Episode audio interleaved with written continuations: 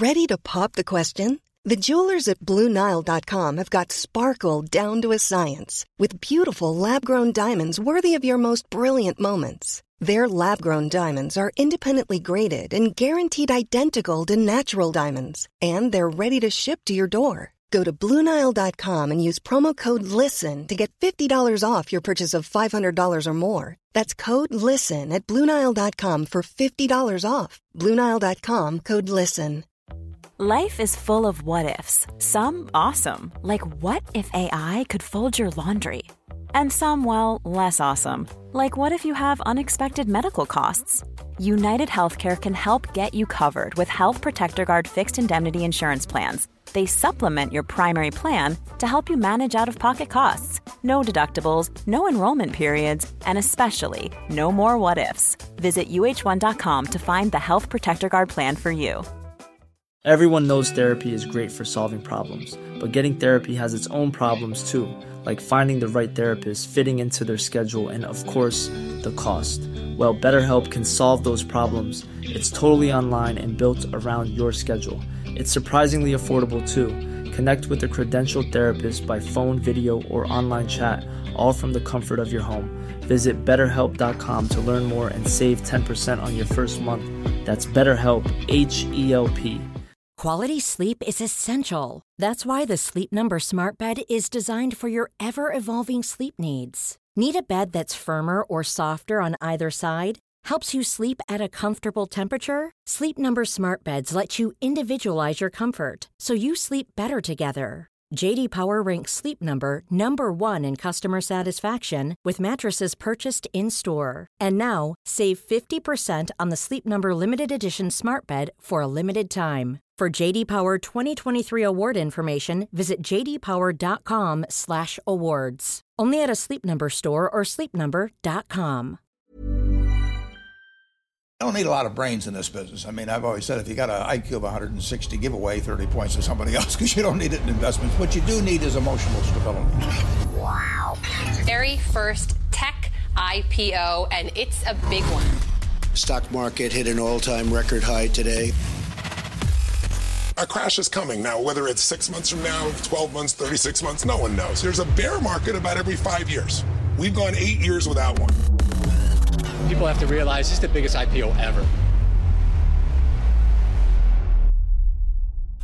Hej och välkommen till ännu ett avsnitt av Market Makers. Hur är läget Fabian? Det är bra, det är bra. Lite volla på börsen äntligen. Ja, eller hur? Det känns som att vi det är en ny paradigm som man brukar säga. Ja, men det ska bli spännande Den nya att... ekonomin. det ska bli spännande att se vart, eh, vart det tar oss kommande veckorna och månaderna. Ja, precis. Det är lite roligt tycker jag, för när man läser nyheter nu så, så är det mycket så ja ah, men oj, idag verkar, nej det, det var inte slut på kraschen än, liksom. nu fortsätter det ner en halv procent. Eh, och det känns som folk har bara inte fattat att det är lite mer volatilitet. Det är så här börsen brukar vara om man tittar historiskt, att det går upp lite vissa dagar och går ner lite vissa dagar, inte bara går upp hela tiden som det har varit de senaste åren. Ja, det är speciellt jobbigt för de som om det fanns någon som bestämde sig att gå kort vixen förra, förra, förra veckan. Ja, ja, precis. Vi ska prata lite om vixen faktiskt. Även om det känns som många har täckt in det området, så känns som eh, det, alla kanske inte har hängt med på vad som har hänt där. Så vi tänkte dra en kortis om det i, i blir det nyhetssvepet. Vi kan ju framförallt ta upp hur det påverkar våra egna strategier när vollarna är tillbaka. Ja, absolut. Vi kanske först ska vara presenterat att veckans avsnitt så träffar vi Niklas investeraren Andersson, som jag inte tror kräver någon närmare presentation. Det var sjukt kul att träffa Niklas och eh, vi gick in på jäkligt många grejer. Och eh, därav är avsnittet relativt långt. Ja, och vi gjorde ju ett dubbelavsnitt förra veckan, eller förra och förra, förra veckan då. Och det, det här är, längden på det avsnittet är så långt att vi också skulle kunna gjort ett dubbelavsnitt, men det känns som att vi inte vill göra dubbelavsnitt. Vi vill få ut det så att folk får höra intervjun. Så att vi hoppas i alla fall att ni eh, tycker om att det är även fast ett långt avsnitt. Man får väl dela upp till två lyssningar kanske? Ja, två absolut. lyssningssessioner. Eller så kör man det på två gånger hastigheten. så blir det som ett vanligt avsnitt. Eh, ja, men innan vi gör det, så ska, som du sa, vi, vi har ändrat, både du och jag faktiskt försökt tänka om lite, lagt om lite hur vi ska tänka just för att, för att kunna försöka vara lite mer långsiktiga kanske eh, när det blir mycket volla, och, eller framförallt inte låta vollan påverka känslor. Ja, eh, framförallt så känns det som man kan, eh, när det är låg volla kan man hamna liksom lite av en complacency, eller man, man blir lite likgiltig. Du kanske har, har liksom håller aktier eller bets eh, längre än vad du har tänkt från början, eftersom, ja, det gör ingenting, du kan bara låta dem, även om de inte går upp så kan du ligga där och plocka till exempel ut utdelning. Framförallt, precis som du säger, dels känner man inte samma risk att det ska gå ner för att allt Exakt. går bara upp, men också just att du kan nästan ta vad som, köpa vad som helst och så går det upp så länge det är på lite större, kanske kända bolag. Så det, jag kände ju till exempel att eh, det började hända mig. Jag, eh, det fanns några innehav i min portfölj jag inte längre hade 100% på. Och då... Eh, 100% koll på. 100, exakt, 100% koll på. Och då kände jag väl när liksom, sån stor, liksom, stark volla kom tillbaka att ja, men de bolagen kanske man ska skala ner lite på och eh, kanske fokusera på de bolagen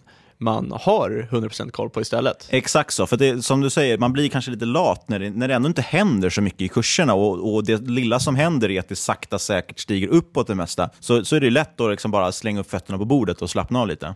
För, för att jag har sett mycket, speciellt på till exempel Twitter, och då, då är det vanligt liksom, ja om du inte säljer när börsen går upp, varför skulle du sälja när börsen går ner? Inget har ju förändrats. Nej, det har det inte gjort, men du kanske inte har liksom haft 100% koll när liksom börsen bara har gått upp. Eller I alla fall så har det varit för mig, för vissa aktier. Sen om man bara ska vända på det, anledningen till varför man skulle kunna sälja, ja, det finns ju något som heter marknadsrisk också. För det, det är ju det vi har sett i de flesta bolagen, det är inte nödvändigtvis fundamentan som har ändrats. Sen kan man då hävda att ja, det var övervärderat från början, så det här är ju egentligen för sent. Men oavsett vilket så är det ju en form av marknadsrisk. Det är ju hela marknaden som, som går neråt och då kommer allting med. Även bolag då som till exempel presenterar jättefina rapporter sjunker ändå på rapportdagen. Men vad har vi gjort då? Vad har vi tagit för konkreta steg? Vi har ju lite olika, men på samma tema kan man säga. Vi satt ju dessutom, en stor anledning till att vi kom in på det här också, var, vi satt ju och pratade om det här både till och från Stockholm när vi var uppe och träffade Niklas. Då. Eh, så det vart ju fyra timmars snack om hur vi skulle lägga, fram, lägga upp det här. Jag har tidigare varit väldigt eh, vad ska man säga, värdefokuserad. Eh, men det har inte riktigt funkat de senaste åren. Nej, nu har det varit tillväxt som gäller. Det, det har varit mer tillväxt, du kanske har kollat mer på momentum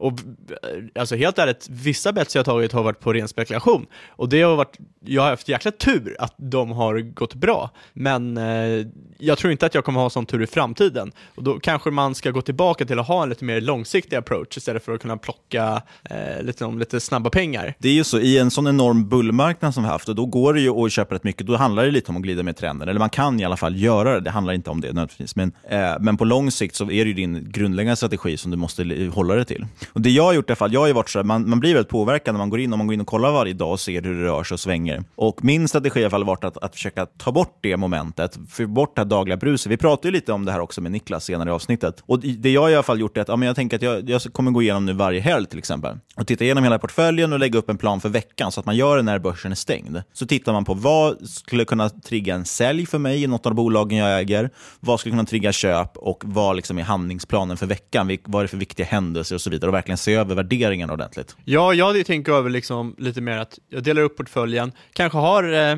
30% i liksom tillväxtaktier och det är jäkligt kul att hålla koll på, kul att undersöka. Eh, 10% kanske är lite, lite random, lite riskarbitrage, lite commodities, sådana saker som man tycker är intressant för stunden och eh, kan vara lite mer kortsiktigt. Och sen kanske du går in på 60% så kanske lite mer värdefokuserat, för jag tror att det kommer, eh, det kommer vara en stor grej framöver. Och eh, jag gillar ju egentligen att begränsa risken. Även om jag har snackat mycket om krypto och mycket om cannabis där risken är rätt hög, så gillar jag att begränsa risken. Och då om du går in i värdebolag så har du oftast en begränsad nedsida och det kan man, då känner du ändå dig relativt säker om börsen faller. Oftast så går du in och köper klipp. Och vi hade faktiskt tänkt ta upp det i några kommande avsnitt, några eventuella klipp med troligtvis kanske lite mer begränsad nedsida. Exakt, och vi, vi kan återvända till det här temat också, men vi måste tyvärr, eftersom vi har så extremt mycket, utan att svära, grejer planerade för dagens avsnitt, så tror jag vi fortsätter vidare. Och vi ska bara ta en jättesnabb grej. Du har ju varit i Barcelona. Jajamensan. Och nu är det ju så här, vet du, att jag har lyssnat på svenska aktiepoddar och de kör ju alltid så kallade lynchningar. Och då menar jag inte då publika avrättningar av, av bråkmakare och sådär, utan eh, Peter Lynch. Och att man går in i en butik och man baserar sin analys på att titta in i en butik och se om det är mycket folk där. typ. Och det har jag hört ska vara jättepopulärt nu för tiden. Ja, om du gillar den här, ty- ja, om du gillar den här typen av lynchning, då ska du gå 100% all in på Apple. För det är så sjukt mycket människor inne i deras butik. Så att, eh... Ja, där har vi det. Årets bett alltså. 100% all in Apple. Ja, vill du ha de goda eller dåliga nyheterna först? Yeah, fan, ta de dåliga. Ja, vad bra, för det är den ordning jag skrivit om. jo, men vi måste nämna det här med VIX. VIX är alltså volatilitetsindex, eller skräckindex ibland kallas det ju populärt. Och det mäter då egentligen förväntad eller framtida volatilitet, alltså hur mycket marknaden kommer svänga. Och eh, ja, det har varit så här, det har varit en superpopulär strategi de senaste åren att vara kort VIX. Eh, det kan man bland annat göra genom till exempel ETFen XIV, alltså VIX baklänges. Och det som händer nu, den har gjort, jag kommer inte ihåg exakta siffror nu, men på ungefär de senaste tio åren så har den gett typ 1500 procent i avkastning. Så det har varit en otrolig eh, resa de har gjort, den som har ägt den här. Men nu med tanke på att VIX då dubblerades på en dag, så vad gjorde ju då helt plötsligt att all den här tioåriga avkastningen slutade i att de gick back istället. Och i några av de här ETFernas fall så har man dessutom gått nu ut och likviderat hela innehavet. Så det, det är väl den korta liksom, historien av vad som har hänt, är att helt plötsligt stack volatiliteten upp. Det är inget konstigt, den har varit på rekordlåga nivåer, helt otroligt låga nivåer till och med. Och eh, ja, det är det alla har sagt egentligen den här traden och det vi också sagt är att det kommer funka tills det inte funkar längre. Det har ju varit så enkelt med VIX. Så är det och eh, man, man, kan ju ta, ställa det med en annan grej och det är liksom det här eh, stora inflödet i ETFer och indexfonder. Och eh, det har ju varit väldigt populärt senaste tiden. Du har ingen, eh, ingen eller väldigt låg förvaltningsavgift och eh, man ser de här chartsen på att eh, indexfonder överavkastar eh, andra typer av fonder och det har gjort att folk allmänt har bara flödat in i alla typer av ETFer. Och det finns ju fler ETFer nu än vad det finns aktier. Men eh, det man såg då när den här volatiliteten spikade och nedgången på börsen, att det var ett rekorduttag i amerikanska fonder. Exakt, 24 miljarder dollar i princip har tagits ut ur, ja, till största del ETFer, men även då mutual funds, alltså det som liknar våra aktiefonder. Och, och, och, och det gör det här det är ju väldigt intressant för att det säger liksom att man ska sitta på en effektiv marknad. För att just den här volatiliteten, det ska egentligen inte påverka fundamentan. Men om det leder till massor med utförsäljningar så är det ju inte rationellt per definition. Och det gör ju också att om du har bolag, till exempel fangaktier som ingår i typ väldigt, väldigt många indexfonder eller ETFer, då har du ju väldigt hög eh, marknadsrisk där. Ja, och det som är intressant, det vi har ju delvis det utflödet. Och det är ju så, försäljningen leder ju till, till sjunkande priser eftersom det är mindre då efterfrågan. Så det är lite intressant, vi har haft ett ganska stort utflöde i fonder. Det gör att folk måste likvidera de innehaven, vilket säljer av då aktier. Vi har centralbankerna som lättar på sina balansräkningar, vilket gör att många kanske kommer flytta nu från stabila aktier till obligationer igen. Och det som är väldigt kopplat till det här med, med volatilitet, eller VIX, det är ju att man pratar ju om att det har varit implicit och explicit eh, kort VIX på olika sätt. Det vill säga, de som varit explicit korta volatilitet är de som har köpt de här ETFerna exempel, som verkligen ja, bara går tvärt emot vad VIX går. Men så har det också implicit, det vill säga till exempel det här risk parity pratar man om. Och det är ju en form av liksom, vad ska man säga, portföljstrategi där man försöker styra risken snarare än, än allokeringen. Eller man allokerar efter risk. Och det där är också pratat om, för det ligger extremt många miljarder, eller kanske till och med triljoner dollar i det där. Och ska de börja sälja av innehav nu när volymen har gått upp så skulle det kunna leda till enorma utflöden. Men det är kanske lite domedagsscenario, men jag känner att vi måste dra det där för att det, det, är mycket prat om det och det är kanske många som inte riktigt förstår vad det är som händer för någonting. Ja, alltså fortsätter man då på det här domedagsscenariot Niklas, så uh, det finns ju en grej som heter S&P Global Ratings. Standard Poor's. De, de, de anser i alla fall att antalet konkurser bland högt belånade bolag kan öka drastiskt när räntorna sticker iväg. Nej, precis, för räntorna har börjat röra sig uppåt och det S&P estimerar då det är att andelen bolag vars debt to earnings, som överstiger gånger fem, nu är närmare 40 procent. Vad det betyder, det har varit många siffror där på en gång och lite svengelska. Eh, de har fem gånger högre skuld än vad de har vinster, det är det man säger. Så väldigt höga skulder och eh, kanske då låga vinster i jämförelse. Det är alltså närmare 40 procent, nästan hälften av alla bolag. Och det kan man då jämföra mot att det var ungefär 30 procent före finanskrisen. Ja, och så ska man ju ta hänsyn till att eftersom räntan har varit så låg, det har varit billigt att låna pengar, så är det väldigt många bolag som har belånat sig för att till exempel kunna dela ut aktier eller göra aktieåterköp. Jo, men precis, för att det är bara att tänka själv. Om du har en finansieringskostnad, alltså de ränta på banken på låt säga 1,5 procent eller någonting. Och eh, då kan du köpa, för de pengarna, då kan du låna, det är nästan gratis, kan du köpa aktier i ditt eget bolag. Då höjer du ju aktievärdet, och det vill säga du, du tjänar mer pengar på det. Och ofta har ju incitamentsprogram, i alla fall i USA,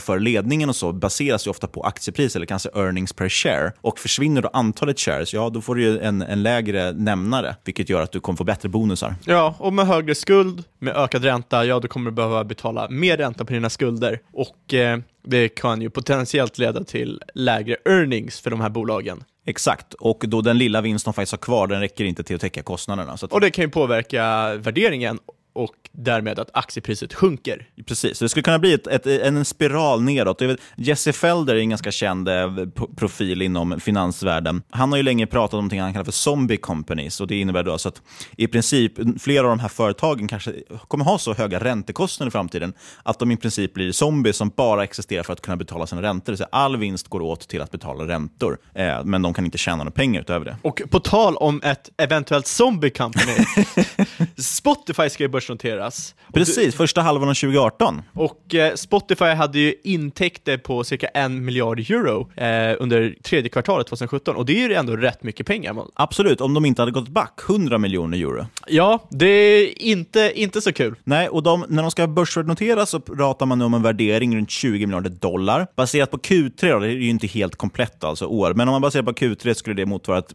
price to sales på ungefär 16. Ja, så ett högvärderat bolag går back, mycket skulder. Och det som är intressant då i den här lilla nyheten, och apropå din förut lynchning av Apple här, så är det ju så att, ja, men då kan man säga att Spotify är ett tillväxtbolag, ja, men de växer med ungefär 2% nya användare per månad. Jämför vi det med Apple Music, deras eh, streamingtjänst, de kan stoltsera med hela 5% ökning av användare per månad. Och skulle de fortsätta exakt den takten, då är Apple Music större än Spotify i sommar. Det är intressant. Det är väldigt intressant. Sen har, jag har ingen koll på Apple Music. Jag känner ingen som använder Apple Music, tror jag. Jag känner några som använder det. Men Okej. det, det, är nog större utanför Men du ska Sverige. alltid känna för folk som är lite annorlunda.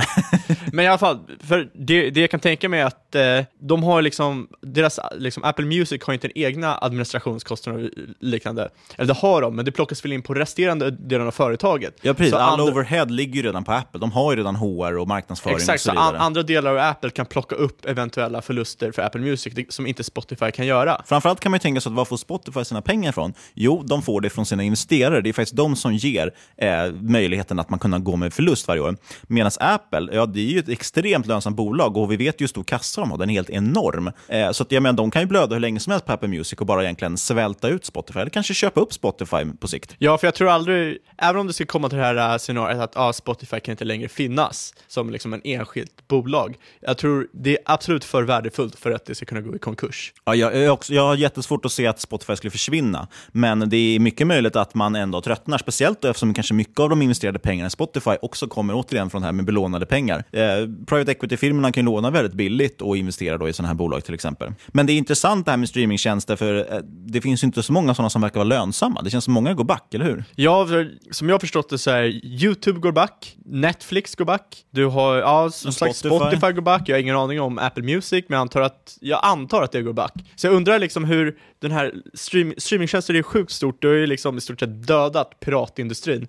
Men jag undrar hur det kommer, vad det kommer ta för form i framtiden, för att i slutändan, det måste ju kunna generera någon typ av avkastning. Just nu det enda jag kan se är liksom big data, och det är det Google använder YouTube för. Ja, det enda egentligen rimliga alternativet idag till de priser som det är på de här tjänsterna idag, ja då är det ju till exempel som i Apple, att man säljer egentligen telefonerna och så är Apple Music bara en bonustjänst man kan koppla på. Eh, och ja, då funkar det liksom. Du har någon annan grej, precis som vi har pratat med Amazon som kanske får in en stor del av kassaflödet och vinsten via Amazon Web Services för att finansiera då deras liksom, e-handel och så vidare. Så man kan ju alltid hitta det sättet. Man kan få Så det in blir en konkurrensfördel snarare än en enskild produkt. Ja, exakt. Att det blir en del av hela paketet när du köper in det i Apple-universumet. Liksom. Eh, men bara också kort nyhet apropå just det. YouTube Red, alltså deras betaltjänst, den ska ju faktiskt lanseras nu i 100 länder. Det är rätt mycket. Den har bara funnits i USA innan tror jag. Eh, och då kommer kosta runt 9-10 dollar per månad. Och det är väl just ett sätt för YouTube att försöka tjäna pengar. Jag har inte så stor koll på vad YouTube Red gör. Nej, och det har inte funnits i Sverige, så man har inte kunnat kika så mycket på det. Men det är ju egentligen att du, någon form av betalt innehåll, att du får tillgång till, ja men låt säga att de kan köpa upp sportkontrakt och sådana grejer kanske och visa mer exklusivt innehåll som du får betala för. Så det blir precis en streamingtjänst som du betalar för. Bra. Men, nu har, det här drog iväg som vanligt i tid och vi har pratat bara en massa dystra scenarier känns det som. En positiv grej, och en grej som Niklas nämner i intervjun ni alldeles strax ska få höra, det är ju, han har ju till exempel case i Netflix, han gillar ju Netflix och säger att ja, men de kan ju höja priserna, det är så de kommer bli lönsamma, eh, för att jag är villig att betala mer. Vi har faktiskt ett exempel på det och det är Disney, som för övrigt också är ett bolag han gillar vet jag. Eh, de höjer faktiskt priset på sina amerikanska nöjesparker nu, vissa med närmare 9% på biljetterna. Det är ganska mycket.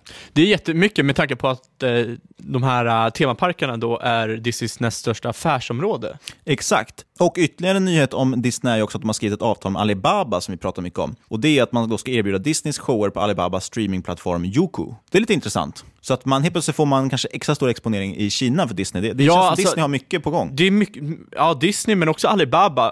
Eh, Alibaba har ju en del som heter Ant Financial och det ska ju eventuellt noteras. Ja, Ant Financial är faktiskt världens högst värderade fintechbolag och dessutom eh, äger de Alipay som är världens största mobila och online betalplattform. Man ska säga. Ja, så inför att de ska notera Ant Financial, eller eventuellt notera, så tar de in pengar som kommer ge bolaget en värdering på 100 miljarder dollar. Det är rätt mycket. Det är rätt saftigt. Och en extremt intressant tjänst. Och Alibaba tar då ungefär en tredjedel av den här investeringen, eller en tredjedel av bolaget till och med. Ja, men Alipay är väl den största mobilbetallösningen i världen? Jajamän. Ska vi kanske följa upp på några gamla grejer vi har pratat om? För att Ja, vi, summera ihop vi, det. gör, vi gör det här snabbt nu, så Ja, nu är det snabbt. kommer till intervjun. Ja, en snabb grej om H&M. Vi gjorde ett avsnitt om H&M och eh, pratade lite om det här med osäkerheten kring utdelningen. Sen förra avsnittet kommenterade vi på nyheten att de skulle använda sig av DRIP, det vill säga att man, man delar ut aktier istället för utdelning. Men de gör det med nyemitterade aktier, så det blir en förtäckt nyemission. Nu har man fått nej på det här. Det verkar som att man inte riktigt har lösningen på plats. Eh, så att nu ska man ändå dela ut pengar, pengar som man fortfarande inte har alltså. Vi får helt enkelt säga kapitalmarknadsdagen som är imorgon, dagen efter vi spelar in. Ja, och jag måste bara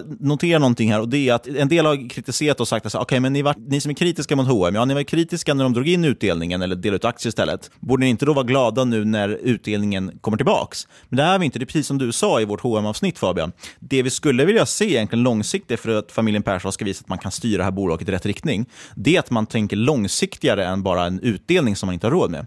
Man skulle egentligen vilja att de slopade utdelningen eller drog ner den. Jag hade lätt velat att de slopade utdelning Ja, om och jag satt så här, nu- lång eh, H&M. nu har vi en femårsplan, vi ska göra det här, det här, det här, det kommer kosta pengar, det kanske kommer vara skakigt på kort sikt, men nu måste vi göra det här. Istället känns det som att det är bara total förvirring, de släpper lösningar de inte har tänkt igenom och jag vet inte, det känns inte som att man har en plan. Det enda man står och säger är att man står och fluffar upp sig. Vi har jättebra e-handel, den växer jättefort, men man har ingen koll. Eh, nej, men jag, tr- jag tror helt enkelt att det är för många institutionella ägare som är starkt emot det. Slopar de utdelningen, då kommer aktien fortsätta gå neråt. Exakt. Och eh, jag tror inte att Persson har något emot det, för då kan han köpa mer av bolaget. Men som sagt, jag tror att de här institutionella ägarna, de vill ju inte att liksom, sina kunder ska se att de har slarvat bort väldigt mycket pengar. Jag har ju, sist men inte minst på det där, jag har ju en liten konspirationsteori som jag kom på häromdagen.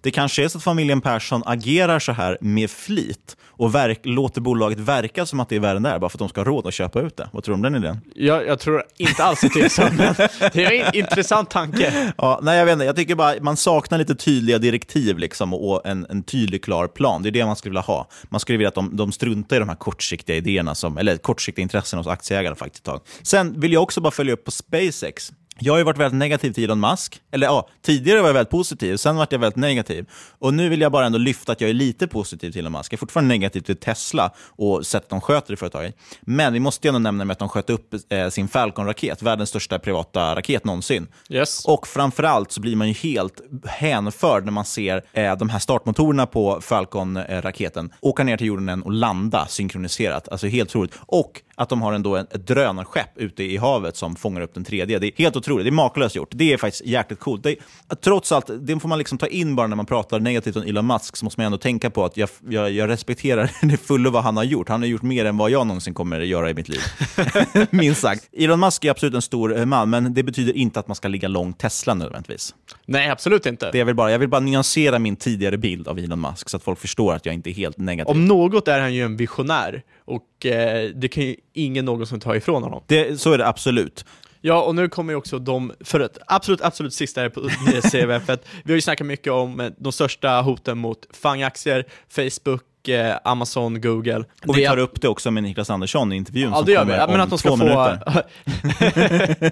att de kommer få liksom massor med regulation och få böter för att de agerar monopolistiskt. Och det har man sett till exempel nu är att India Antitrust Watchdog har satt en böter på Alphabet, för Alphabet på cirka 21,6 miljoner dollar. Och eh, just att de hade någon typ av bias i liksom, din search, att de styrde den. Ja, eller framförallt det är egentligen bara att de tycker att de, alltså, de har en monopolställning på sökresultat på internet. Och då ja, bötfäller man för att försöka göra den lite mer rättvis på något sätt. Då. Och sen hotar Unilever att dra in annonser från YouTube och Facebook om de inte liksom, är hårdare att arbeta mot så här fake news och kränkande innehåll. Ja, och Unilever är faktiskt en av världens största annonsörer. De äger ju märken som Lipton, Dove, Knorr.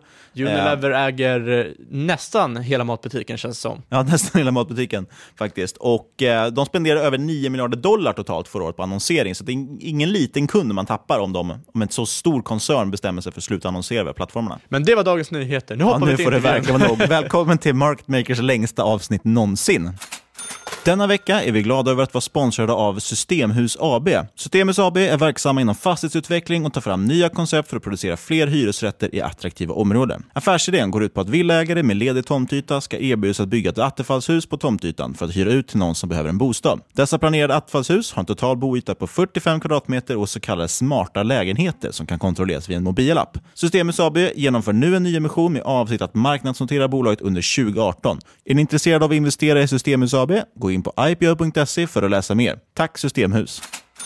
Ja, idag har vi med den legendariska Niklas Investeraren Andersson. Eh, känd främst från podden Prata pengar, va? Eller? Ja, men det stämmer. 17 december 2015. Ja. Det är ju... ja. De som inte känner till dig, hur skulle du presentera dig själv? Eh, en eh, finansiellt yrvärde från Norrbotten som pratar alldeles för mycket. Jag insåg det här de första fem sekunderna att nu är det inte min egen podd, så nu ska jag vara tyst och låta er prata. Det var en riktig tvärnit där. Men jag skulle nog eh, främst beskriva mig så. Finansiellt yrvärde som alltid har varit intresserad av börsen. Tog mitt pick och pack och flyttade ner från Norrbotten till Stockholm för att ta mig in i finansbranschen två veckor efter Lehman Brothers kollaps 2008. Så perfekt timing. För att jag skulle bli pappa den 15 september 20, eh, 2016, vilket var på årsdagen för Lehman Brothers också. Så att den finansiella eh, marknaden och börsen följer efter mig var än går. Vi, vi pratade ju faktiskt om det där på vägen upp nu. Vi har ju åkt upp till Stockholm från Linköping. Så pratar vi om det här, vilken dålig timing om det blir en finanskris nu om man precis är klar i skolan till exempel. Och precis då samma de som börjar jobba 28-29. Ja, jag kommer råka ut på samma, för samma grej. Hur, då måste jag bara ta in den frågan då. Hur, hur klarade du dig att att liksom komma in i branschen när du kom in med så dålig timing? Jag skulle nog säga att allting, i min värld tycker jag i alla fall att skolan är bra, man får en bra baskunskap, men i mångt och mycket så handlar det också om driv och engagemang och glöd. Och är det så att du verkligen vill någonting, då syns det och då kommer du också att lyckas. Det spelar ingen roll. Eh, men sen var ju timingen ganska dålig, men jag gav mig tusan på det. Eh, och det tror jag inte, det är nog inte bara för mig, utan ger man sig tusan för någonting så kommer man att lyckas. Men man kanske får, får stöta och blöta, liksom kämpa på lite hårdare, men å andra sidan så kommer det inte ligga dig i fatet going forward heller, att man har fått lite, eh, lite tuggmotstånd. För det, det är nog rätt vettigt så att säga. Det är ingen idé att gå till gymmet och springa på två kilometer i timmen på löpbandet eller ha den lättaste växeln på träningscykeln. Då kommer det aldrig bli en multipelkontraktion kring midjan. Kort och gott. Jag tänkte så här, du har ju hjälpt ändå, får man säga, tusentals människor att börja spara, både med Prata pengar, Avanza Play nu också. Eh, Men jag tycker så här, hur, hur handlar du själv? Hur investerar du själv? Det skulle jag vilja veta- mer om. Ja, man skulle väl kunna säga att jag har investerat och sparat 50% av min lön under hela mitt liv egentligen. Från, jag började jobba när jag var 14 för 30 spänn i timmen och flippade hamburgare på en grill. Det var inte speciellt bra lön. Eh, Men där och då så, så började jag spara pengar. De finns fortfarande kvar än idag.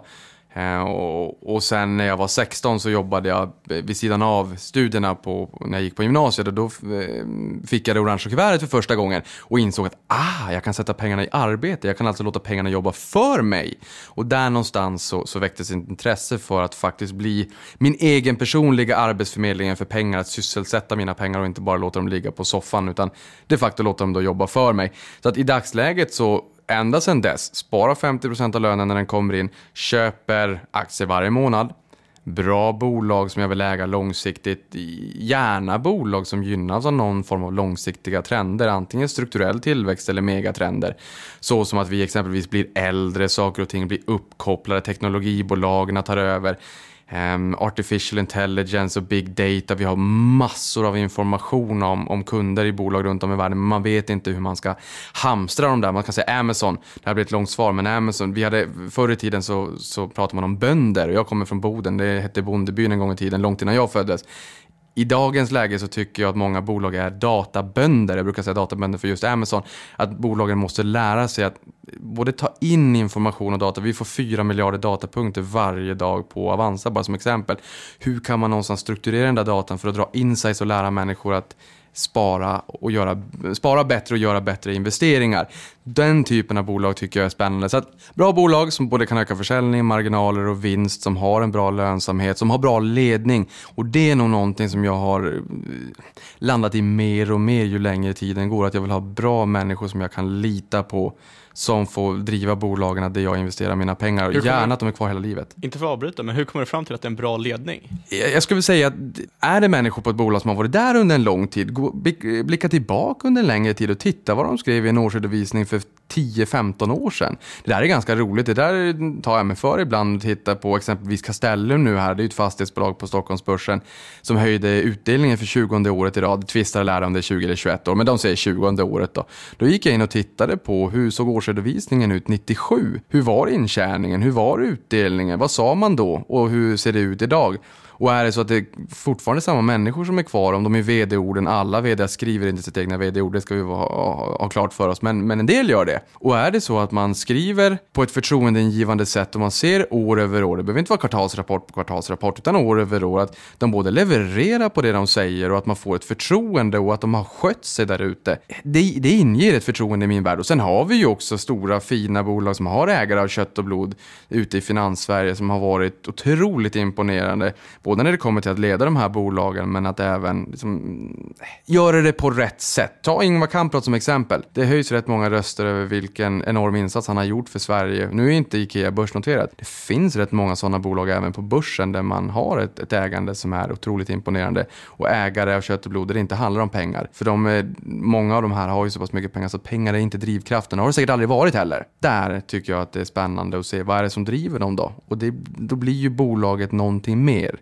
Um, och, och, där vill jag vara med och äga. Så fina, stabila bolag kan öka omsättningen, öka vinsten. Men vad, vad skulle få dig att sälja ett sånt här bolag? Är det skifte i fundamentan? Är det... Ja, det är väl primärt så är det nog skifte i fundamentet. Jag brukar säga att man... Kan det vara någon gång liksom du tycker att ah, det här bolaget är fint men för stunden är det övervärderat och då vill jag sälja det? Nej, du, då är det snarare någon form av skifte i framtidsutsikter och att man tittar på fundamentan. För jag menar, ehm, när jag säger Kodak moment så tänker jag på att man blev omsprungen av teknologin. Men mina lite äldre kollegor säger att Kodak moment det är, liksom, det är när man ser att det är äh, ett läge där man kan ta en fin bild. Nu säger man Instagram moment tydligen, extra Facebook ju.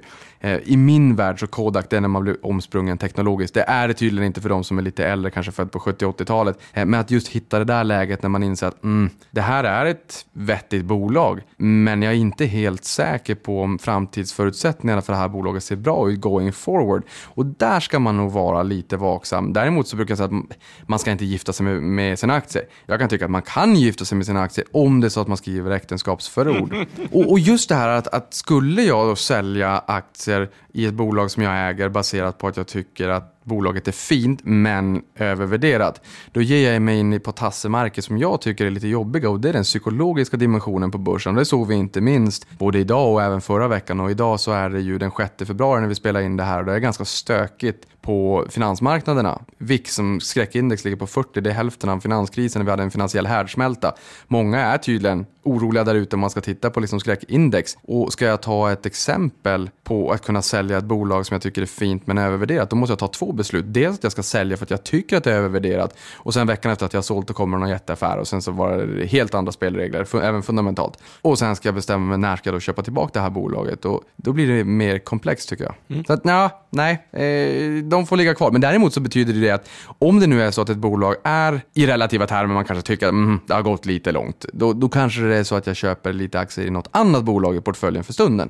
Det du tänker egentligen är så här, om ett bolag i dagsläget är övervärderat, när du köpte det så var det antagligen inte det. Och då får det liksom marknaden ha sin gång snarare, och så glider man bara med. Precis, marknaden får ha sin gång. Lite grann som det här äh, exemplet också som, äh, det jag vet, äh, Peter Lynch är ju känd för att lyncha och han var ju en, en otroligt duktig förvaltare på Fidelity en gång i tiden. Och då ska Warren Buffett ha ringt upp och sagt att du, det här citatet kan jag få låna det till årsredovisningen. Och då var det just det där att um, man, man, inte ska klippa sina solrosor och, och vattna eh, ogräset i rabatten. Mm. Eh, lite grann att cut your losses short and let your profit run. Eh, just att inte bara sälja av ett bolag för att man tycker att det är lite högt värderat. För det är faktiskt så här att om man tittar historiskt, fina bolag, och sen är det också en definitionsfråga, vad är fina bolag? Det är också lite grann en filosofisk fråga. Men det är ganska många som har varit i marknaden under väldigt lång tid, så när man pratar med dem och säger vad är den sämsta affären? Jo, det är de fina bolagen som man tyckte var riktigt fina som man sålde alldeles för tidigt. Och det är fullständigt mänskligt att tycka att ett bolag kanske har gått eh, lite för mycket, om det har gått upp några hundra procent på, på bara några få år. Jag förstår det, men det kan ju ba faktiskt bara vara kanske början av en mycket, mycket längre resa. Det kan vara jäkligt farligt att säga att man vill hämta hem vinsten. Ja, det kan vara det. Och, och men det här beror ju helt också på, på vilken horisont man har. Är det så att man är lite mer kortsiktigt i sin natur, då är det fullt förståeligt. Jag menar, mina pengar som jag har i portföljen, det är kapital. Och pengar som jag har i min löpande ekonomi, det är pengar och det ska betala räkningar och eh, resa för och både jag och Niklas här har ju fått varsin, eh, var, varsitt barn. Men det, det finns många andra aspekter här i livet också som är viktiga. Men portföljen, det är kapital. Jag, jag, får aldrig ont i magen längre om börsen går ner. Senaste veckan har jag backat ett antal hundratusen kronor. Och det spelar mig ingen roll. För jag kan ju fråga sig, vad skulle jag ha gjort i sådana fall om jag skulle ha sålt av? Ja, då hade ju pengarna legat likvider och sen hade man ju börjat fundera lite, jaha, vad ska jag göra nu då? De här pengarna är ju arbetslösa. Jag tar ju inte ut dem. Så att jag sätter in 50% av lönen varje månad. Jag återinvesterar alltid i utdelningen och tar aldrig ut pengarna. Utan jag separerar helt och hållet portföljen från min löpande ekonomi och är genuint långsiktig. Hade jag inte varit det så hade psykologiska dimensionen varit mycket större komponent i mitt sparande och då hade jag också mycket enklare fått ont i magen. Om vi backar tillbaka till det här som du sa med vad ordet fint bolag betyder. Ja. Eh, för det är lite intressant, för det är också någonting man hör upprepas ganska ofta från många. Och jag tror att, det inflateras. Ja, och jag tror att många inte förstår vad det betyder eller har en definition av vad det betyder som antagligen inte är det de tänker. Vad, vad skulle du liksom säga, om man tänker så här, när du sitter och tittar på ett bolag, när bestämmer du för att okay, det här är ett fint bolag och så köper du in i det? Det går givetvis inte så fort, men du förstår kanske vad jag menar. Vad är det liksom för parametrar som du tycker är fint? Ja, och, och det där är en, en, en, riktigt svår fråga. Men om vi tillsammans kanske kan försöka bena ut den där så kan man väl säga att jag brukar även prata om best of breed companies. Att om man, är, om man har snöat in sig på en viss bransch eller sektor så kanske man vill hitta ett bolag som är den fin, det, det finaste bolaget i den klassen. Eh, och det kan vara så att man eh, är prissättare snarare än pristagare, ungefär ungefär som Apple är när det kommer till telefoner. Man har en produktionskostnad på 3 000 kronor för X-telefonen medan man säljer den för 10, 11, 12 000 kronor. Och kunderna spelar, det spelar kunderna ingen roll. Jag går till mig själv, jag vet ju att jag kommer köpa den nästa iPhone innan jag ens har sett den. Det måste ju vara definitionen på idioti nästan. Men, men det är också brand loyalty där att jag vet ju att jag kommer göra det och känner jag den känslan, ja men varför i tusan ska jag då inte äga det bolaget? Så dels att man är prissättare kanske snarare än pristagare, att man har bra lönsamhet, att man har bra ledning, bra människor på bolagen, Eh, att man lyckas kunna öka försäljningen över tid. Man har goda marginaler, man har en bra lönsamhet. Har man en bra lönsamhet så har man förmodligen också bra räntabilitet på det ena kapitalet. Har man det så kommer det förmodligen synas i att man får betala många kronor extra per bokförd krona. Så allt det här kommer liksom igen. Men bolag som över tid har lyckats bevisa att deras affärsmodell verkligen håller. Sen kan man ju googla också på, på Moat eller på vallgravar och se vad är det för faktorer som gör att bolag bygger en vallgrav kring sin affärsmodell som gör att det inte är lika enkelt för konkurrenter att slå sig in på den här marknaden man kanske kan prata om monopolistisk konkurrens. Det är alltså inte bolag som har ett regelrätt monopol. Ungefär som våra elbolag. Om man säger att nu kommer elpriserna skjuta i höjden, så här, vad kan jag göra? Jag kan inte göra någonting i princip. Vi hade Levi's en gång i tiden och nu har vi Apple, samma sak här. Man, har inte, eh, man, man tävlar inte om att sälja flest antal telefoner. De säljer 10, de har en marknadsandel på 10, 11, 12 procent och sånt där på global basis. Men det ligger och harvar in över 90 procent av vinsten. Eh, så att, där skulle jag väl liksom säga, det är många många olika faktorer och det behöver inte explicit vara så att man ska öka försäljningen väldigt, väldigt många procent över tid. För att där har jag sett spännande artiklar också, tänkvärda från olika amerikanska medier som visar att ja, men de här bolagen då, de lyckades ju bara för, höja försäljningen 3, 4, 5, 6 procent över ett antal, olika decennier, eller ett antal decennier. Men ändå så är det de bolagen som har gått allra bäst. Man kanske inte har behövt ha marginalexpansion. Det har kanske varit vettiga marginaler. För då kan man ju köpa turnaround cases, bolag som har nedtryckt lönsamhet för stunden där man tror att här går det att göra verkligt mycket. Det är inte min typ av bolag. Där har inte jag en edge. Det får Christer Gardell göra. Han är riktigt duktig på det. Eh, ja, vad, vad, ska vi mer säga? Det, det här är liksom så här, när man väl kommer igång med det här så är det rätt svårt att eh, kon konkretisera och landa i någonting. Jag skulle också säga att just det där viktigt med, med eh, både starka huvudägare men även just ägare av kött och blod som kan sin verksamhet. För de vet förmodligen när man har varit med så pass länge hur man skapar värde i bolagen och det är någonting man verkligen inte ska förringa. Jag var på en, en jullunch med ett fondbolag där en förvaltare berättade och jag har även sett en artikel också från amerikansk media vid sidan av det här att oaktat varandra där man, kan, där man påvisade på vilka eh, P-talsmultiplar man kunde köpa bolag på. Så att artikeln visade på 90-talet eller om det var 80-talet, eh, där man kan köpa bolag på 20, 25 eller 30 gånger årsvinsten som vi idag tycker är ganska högt. Stockholmsbörsen kanske ligger på en 16, 15, 16 kanske något sånt där på framåtblickande 12 månader efter nedgången här. I USA ligger på mellan 17 och 20. Eh, det är högt i ett historiskt perspektiv, det har legat på 14-15 de senaste 100 åren. Men här visar man vilka multiplar har man kunnat köpa de här bolagen på som har ändå har varit de som har presterat allra bäst. Och det slår ju någonstans undan benen lite grann för den här diskussionen att man inte kan köpa bolag som har höga P tal Sen kan vi också ta PEG-talet såklart, för att man måste sätta P talet alltså hur många gånger årsvinst man betalar idag i relation till man, hur snabbt man tror att vinsten kommer stiga. Men jag blir så fascinerad över det här när det inte är explicit vinsten eh, eller försäljningen eller P talet som styr vilka bolag som kommer gå allra bäst. Eh, going forward. Eh, så det finns nog ingen enskild faktor som säger att titta på det här så kommer du hitta riktigt spännande bolag. Å andra sidan, bryt mig nu, för nu märker jag att jag pratar alldeles för länge, men å andra sidan så är det också så här att det finns många bolag historiskt som man kanske inte visste att de skulle gå jättebra heller, men när alla skulle börja dricka Kopparbergs päronsider, alla tar det med liksom en nypa salt innan du börjar svära när du lyssnar på det här då, men en del i alla fall skulle dricka det. Det har ju gått fantastiskt bra för det bolaget. När alla skulle spela poker, och man hade köpt in sig där,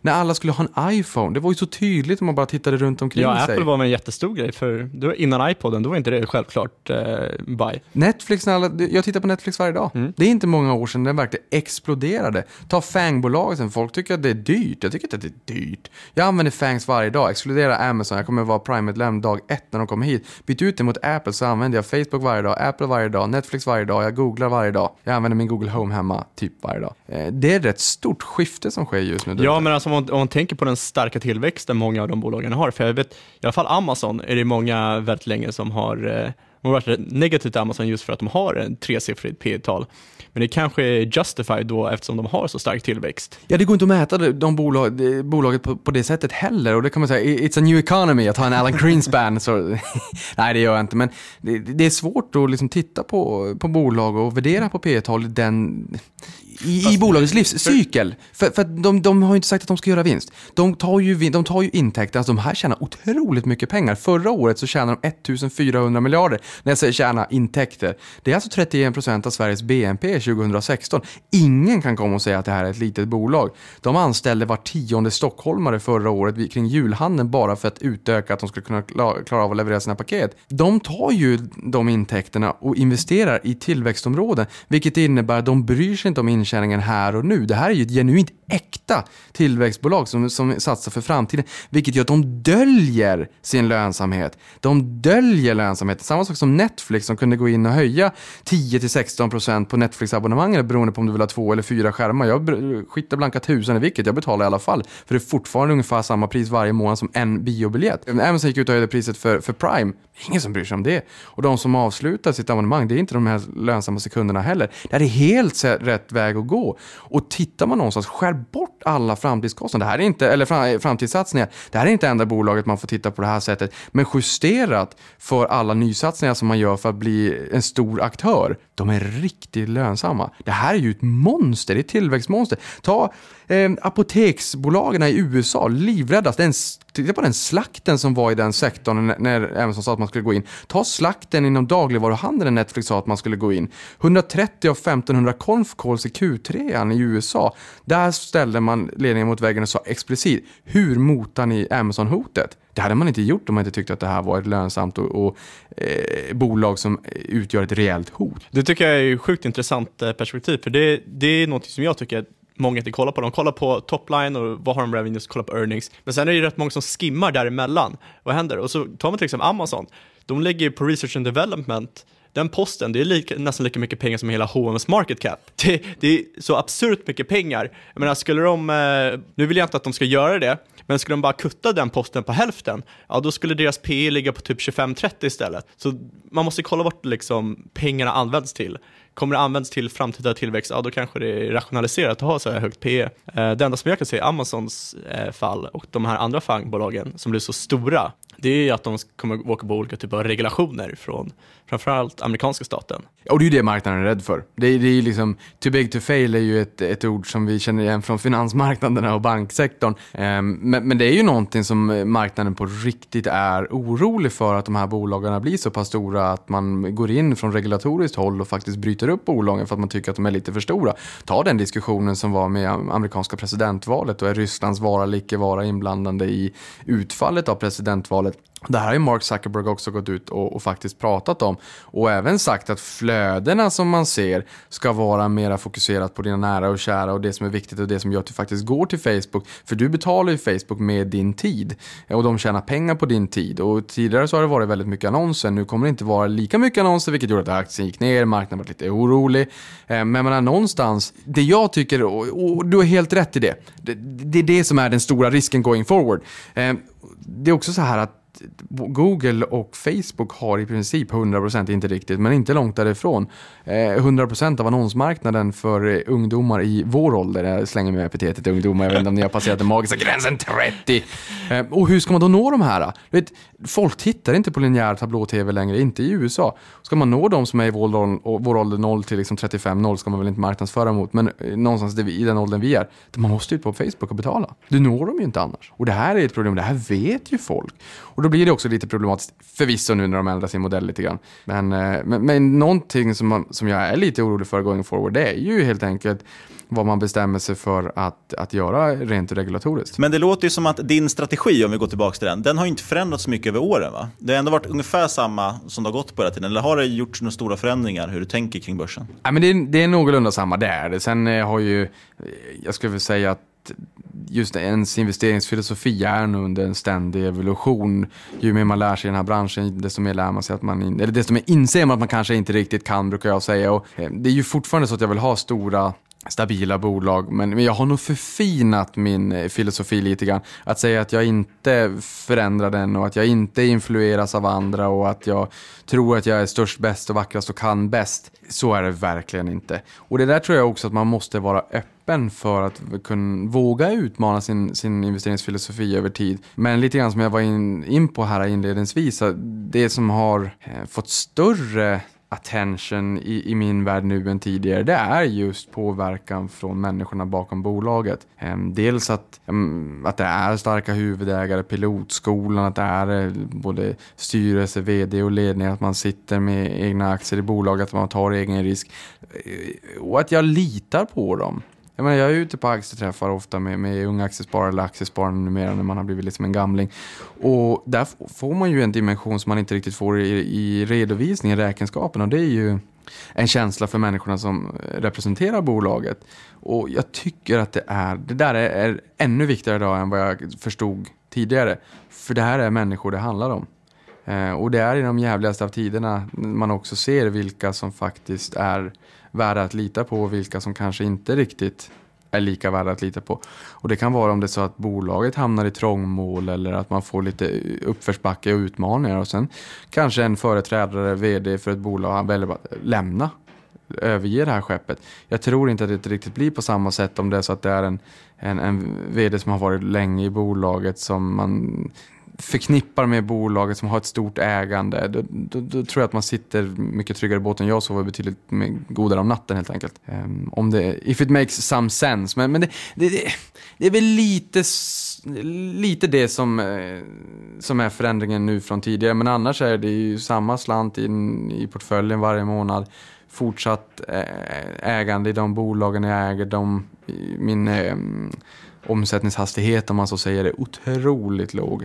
Men de aktierna jag köper de blir allt som oftast kvar. Om det nu inte är så att ett bolag som jag faktiskt inte riktigt står bakom längre. Ni kommer ihåg det här med äktenskapsförord, eh, om man gifter sig med aktierna. Eh, men det är väl det. Det är liksom betydelsen av, av ägarna och människor av kött och blod. Det är någonting som jag har eh, tagit fasta på. Men det där, det där är ju lite intressant. Vi pratade ju faktiskt om det precis innan du och jag Fabian. Man pratar ju ofta om det, att ledningen är viktig, till exempel. precis som du säger, för det är ändå någonstans i slutändan är det ju alltid människor som gör arbetet. Men läser du till exempel då ett, en, i en årsrapport ja, då det bästa du kan få ut typ av ledningen det är vilken skola de har gått på, vad de har jobbat med tidigare. Hur, hur får man den känslan då för hur en ledning är? Ja, men dels om det är så att man är ute på aktieträffar och träffar eh, företrädare, om det då är vd eller ordförande eller vad det kan tänkas vara. Man får ju en känsla för människan och då får man ju också möjlighet att ställa egna frågor eh, och få egna svar. Jag menar, ställer man egna frågor där, det är ju inte förberett på något sätt. Och, och, då, ska man ju, då ska ju de kunna svara på de frågorna på ett förtroendeingivande sätt som känns bra i magen för mig som sitter och lyssnar. Annars känns det ju inte alls bra. Ehm, och sen så kan man titta på YouTube, ehm, brukar jag göra. För jag menar, det, visst, det, aktiespararna finns i hela landet så att säga, och det finns många aktieträffar, men de kanske inte är precis med det bolaget precis där och då, där du är nyfiken på ett bolag. Så på YouTube finns det ju väldigt mycket material. Man kan även lyssna på bolagets konfkål, call, alltså när det är rapporter så kan man klicka in sig på sajten och, och lyssna både när de presenterar rapporten men även de frågorna som analytikerkåren ställer i efterhand. Då får du också en ganska bra känsla för vad så att säga, proffsen inom citationstecken eh, oroar sig för också. Ja, som du sa med Amazon till exempel. Ja, precis. Ehm, så det är nog ganska bra sätt att, att, ha ett rimligt hum och sen är det också så, jag menar, har man vänner eller bekanta som, som jobbar i bolag, ställ fråga hur går det? Hur, hur mås det? För en sak som jag tycker är, viktig och ännu viktigare idag än förr i tiden som jag inte sa nyss Ehm, det är företagskulturen.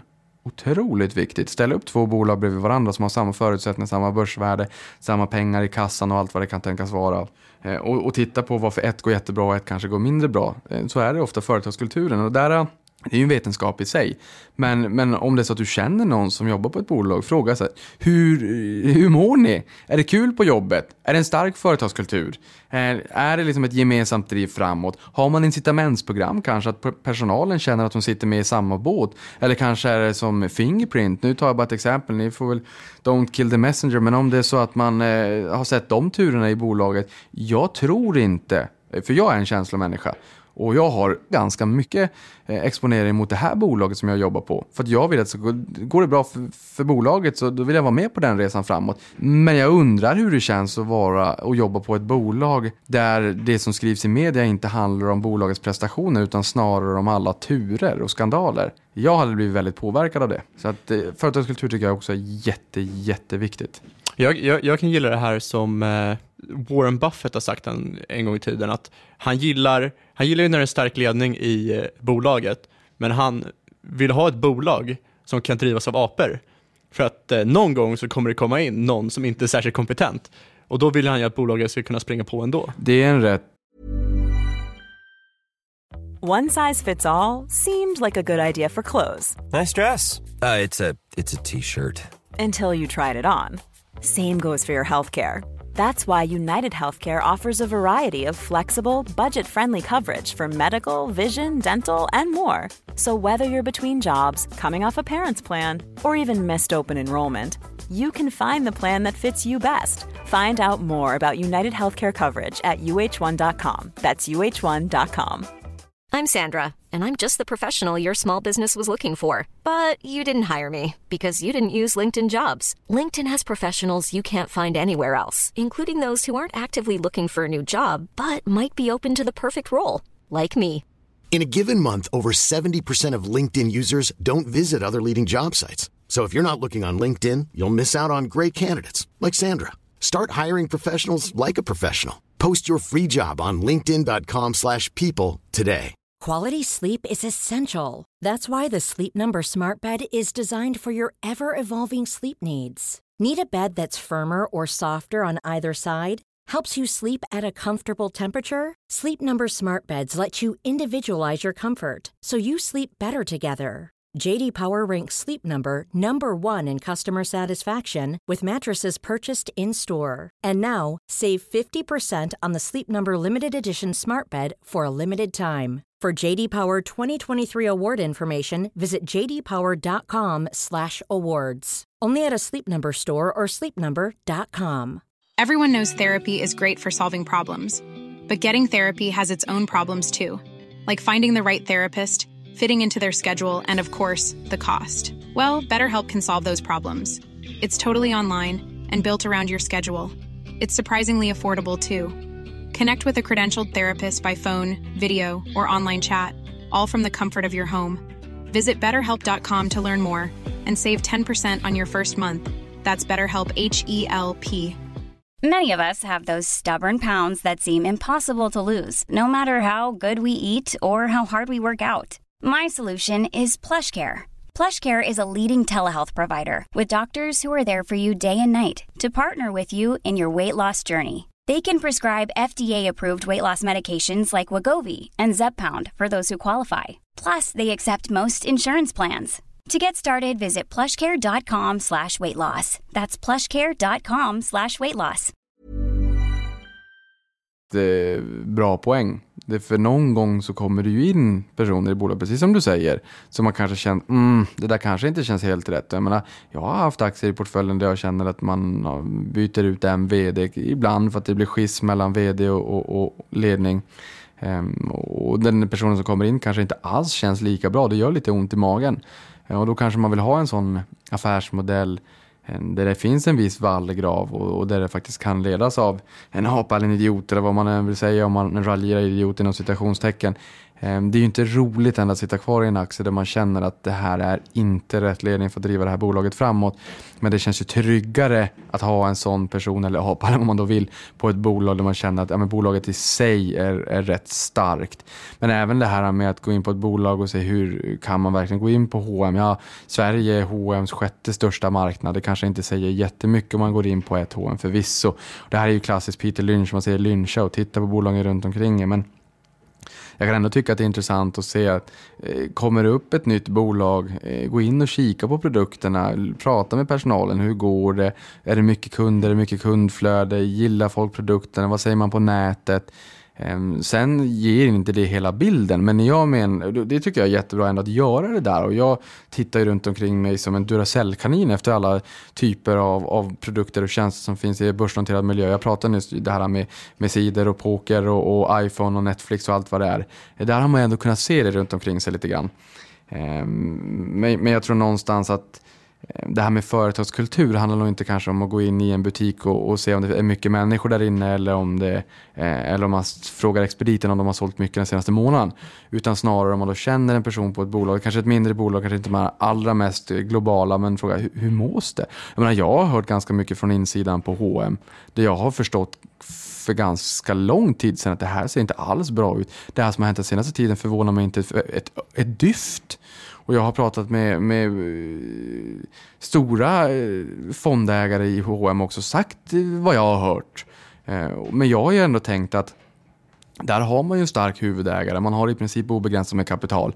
Obegränsat med kapital är för att man har dels pengar själv, man äger 40% av bolaget. Sen har man också ett förtroendekapital. Så att man, går man ut där och säger att vi behöver ta in pengar, vi vill göra det här och det här. Ja, då får de förmodligen också till en finansiering. Men man har ändå inte lyckats förstå och haft en sjukdomsinsikt över hur stor den här omställningen har varit. Exempelvis mot e-handel, att man behöver omnikanal, att försäljning per kvadratmeter yta går ner och att retailnätet med över 4 000 butiker, att det går väldigt snabbt. Sen tittar vi mycket på USA, Death of Retail, Brick and Mortar, de har liksom 24 kvadratmeter per person. Tyskland 4, Sverige vet jag inte, men betydligt mycket mindre. Ehm, men jag menar där, de sitter med gamla Excel-dokument och, och blir det fel så blir det fel på riktigt och sen skickar man dunjackor till, till eh, Madeira liksom mitt i sommaren. Det funkar inte.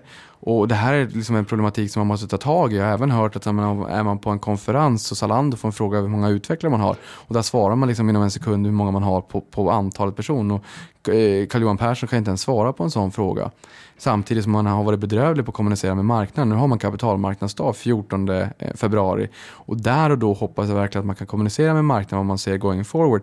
Men det har varit så tydligt att de inte har haft den teknologiska plattformen i, i fas. Jag menar, de har tagit kostnader under väldigt, väldigt lång tid och sagt att vi, liksom, man har, vi har haft 9,75 i utdelning sedan 2014. Inditex stora konkurrenter med Sara, Massimo Dutti, Pulle och hit, eh, alla möjliga varumärken. De har liksom höjt ut den, det går ganska bra för dem värderas alltså bra mycket högre än H&M. De har ju också marginaler som H&M hade för 5-6 år sedan. Ehm, men där har man sagt att vi behöver investera för framtiden. Det jag funderar nu, men här, nu är vi ju liksom i framtiden. Alla de här miljarderna som man har plöjt ner i, i IT-utveckling, är den obsolet? Det för nu ska man ju göra den här konstiga utdelningsförfarandet som för, av vissa tolkas som en nyemission. Och det emitteras ju faktiskt nya aktier. Det är ju ett väldigt defensivt drag, ett defensivt signalvärde och då vill jag ha svar på, men de miljarderna som har plöjts ner tidigare, har det varit av vikt och värde eller är den frukten möglig nu när den ska skördas? Och där är det liksom lite grann en förtroendeknäck för H&M. En stor anledning till att man får emittera nya aktier är också, de delar väl ut ungefär 170 procent av det fria kassaflödet. Och det är ju inte en riktigt hållbar strategi. Nej, det här är inte, och kassan är ju inte så stor längre. Den är Nej. liksom inte alls.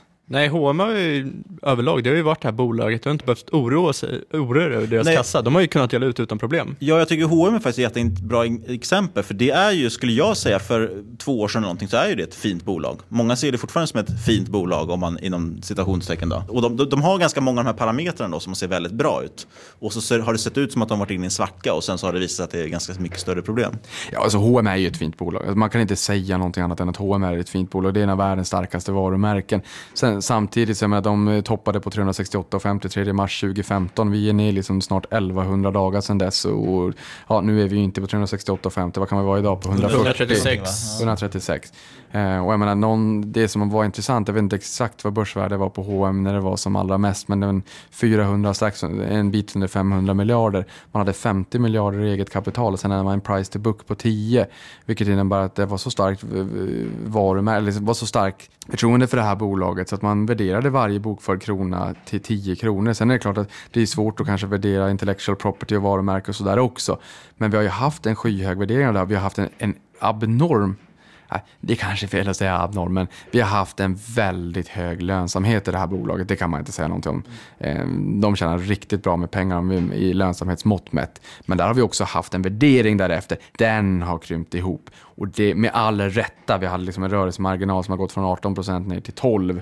Vi har haft en bruttomarginal som har pressats ganska mycket också. Lönsamheten har krympt, försäljningen har krympt. Eh, Och det har gått väldigt snabbt det här med omställningen mot både e-handel och jag menar, en sån grej Niklas, nu, nu, du, du, ska få säga någonting för jag märkte att du ville göra det. Men, men, men bara en sån sak som att man inte har erbjudit fri frakt.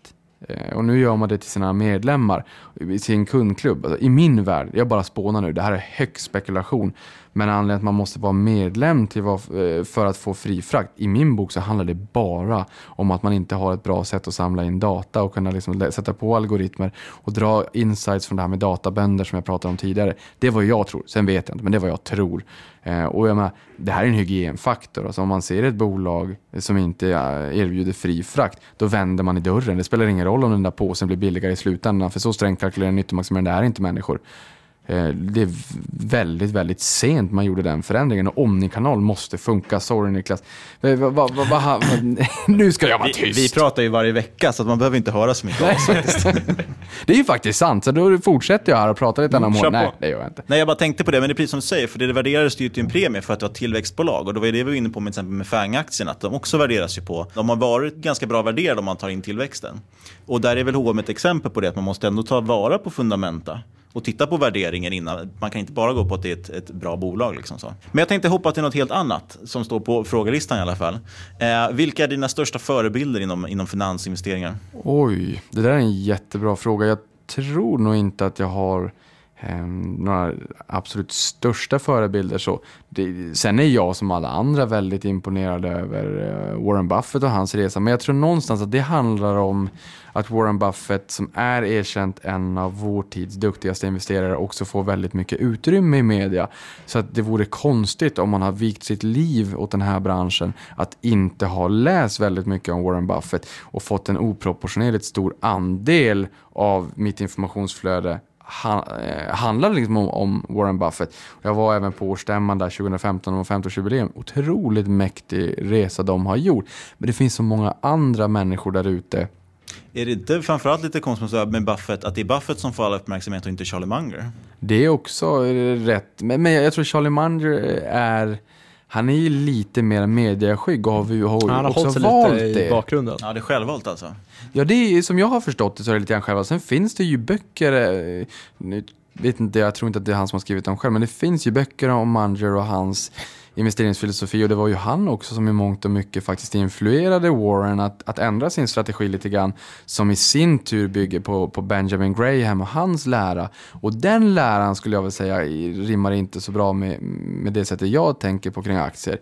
Just det här att strängt kalkylerande, kanske nyttomaximerande, titta på fundamenta, att det ska vara kanske ett price to book, alltså man ska betala eh, under ett, alltså en, en kanske 50-60 öre per Exakt, krona. för att och, eh, Buffett hade ju det här cigarette butts-tänket Mm. från början och det är i stort sett att du plockar upp liksom ett bolag som är nere i botten och du kan få några puffar till och sen säljer du för lite vinst. Och det du säger i stort sett är att Munger liksom fick över Buffett på det egentligen han är mer känd för idag. Att vara en proper värdeinvesterare som hellre köper fina bolag till ett fint pris än att köpa halvdana bolag till ett billigt pris. Exakt.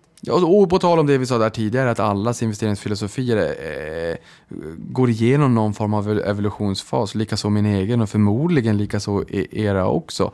Eh, och intressant att se den resan han faktiskt har gjort, men som du säger Niklas, det är, det är ändå rätt fascinerande över att Charlie Munger inte får mera utrymme än vad han får, men det är ju som, som jag förstår det då självvalt från hans sida. Han är ju också lite sämre för, kan jag tänka mig, för många nyhetskanaler eftersom han ofta säger lite elaka grejer. Och Han har, han har ju fantastiska one-liners.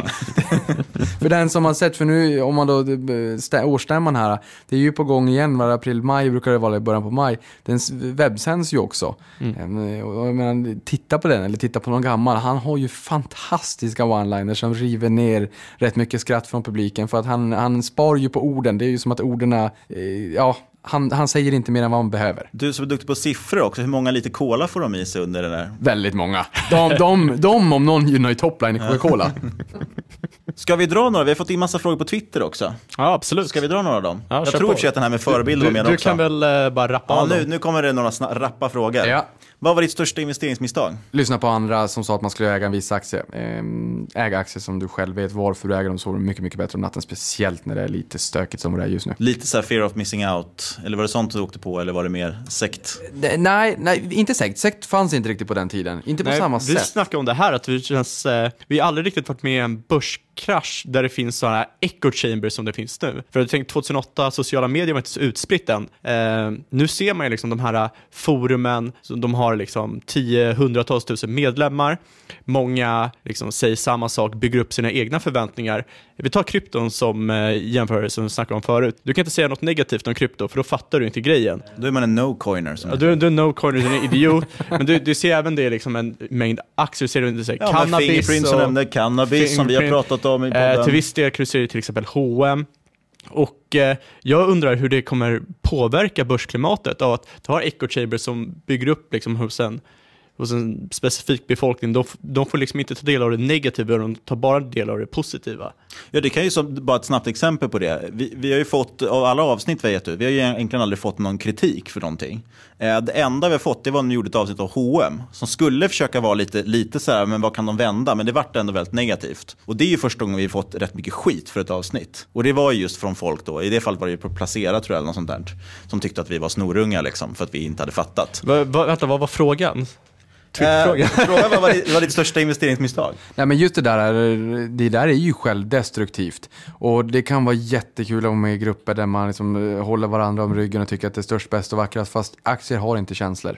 Aktier har inte samvete heller. Och det där blir självdestruktivt om man bara håller varandra om ryggen. Man, det är inte bra och jag har sett det för många gånger. Jag menar, ta Fingerprint som exempel. Jag blir nästan mörkrädd när jag ser vilka mm, sektliknande eh, klientel som kan byggas upp. Och jag menar, de är rätt tysta idag. Sen är det inte sagt att Fingerprint inte vänder. Absolut, det är möjligt. Men Fingerprint har ju varit en total kollaps sen de kom in i OMXS30 den 4 januari 2016 när MTG åkte ut. Ja, men det är ju det att du bara får ett perspektiv, och det är det som är farligt. Och det är det vi har varit inne och pratat om här tidigare också när det kommer till FANG-bolagen och när det kommer till de regulatoriska riskerna att bryta upp de här bolagen. För att där har ju risken varit att du bara får ett nyhetsflöde. Det nyhetsflöde som du själv gillar, som algoritmerna vet att du gillar.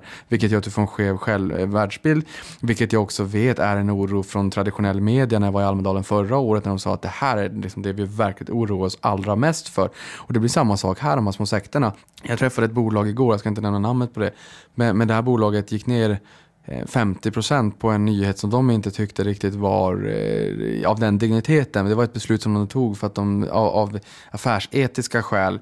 Eh, men där marknaden har sett fram lite grann emot det här och kanske inte riktigt förstod varför bolaget tog det här beslutet. Och de pekade just på att det har byggts upp sektliknande subgrupper som eh, Eh, inte riktigt ligger till nytta för bolaget. Jag menar, jag träffar många för, bolagsföreträdare på kanske lite mindre bolag från några hundra miljoner till några miljarder som tycker att det här med eh, med, med aktieägarna är väldigt trevligt och att många aktieägare har hängt med under väldigt lång tid och man känner igen många av de här ansiktena på årsstämmor och så här. Och att det börjar bytas ut mot ägare som inte riktigt har samma intresse och att det blir där pump and dump. Och det är inte roligt när du sitter på ett bolag där du ser aktiekursen trasas av... Eh, ja, alltså det, börsen är ju ett ställe för alla. Alla är ju välkomna oavsett om du har ett långt eller ett kort perspektiv. Och är, så det kan man egentligen inte säga någonting om.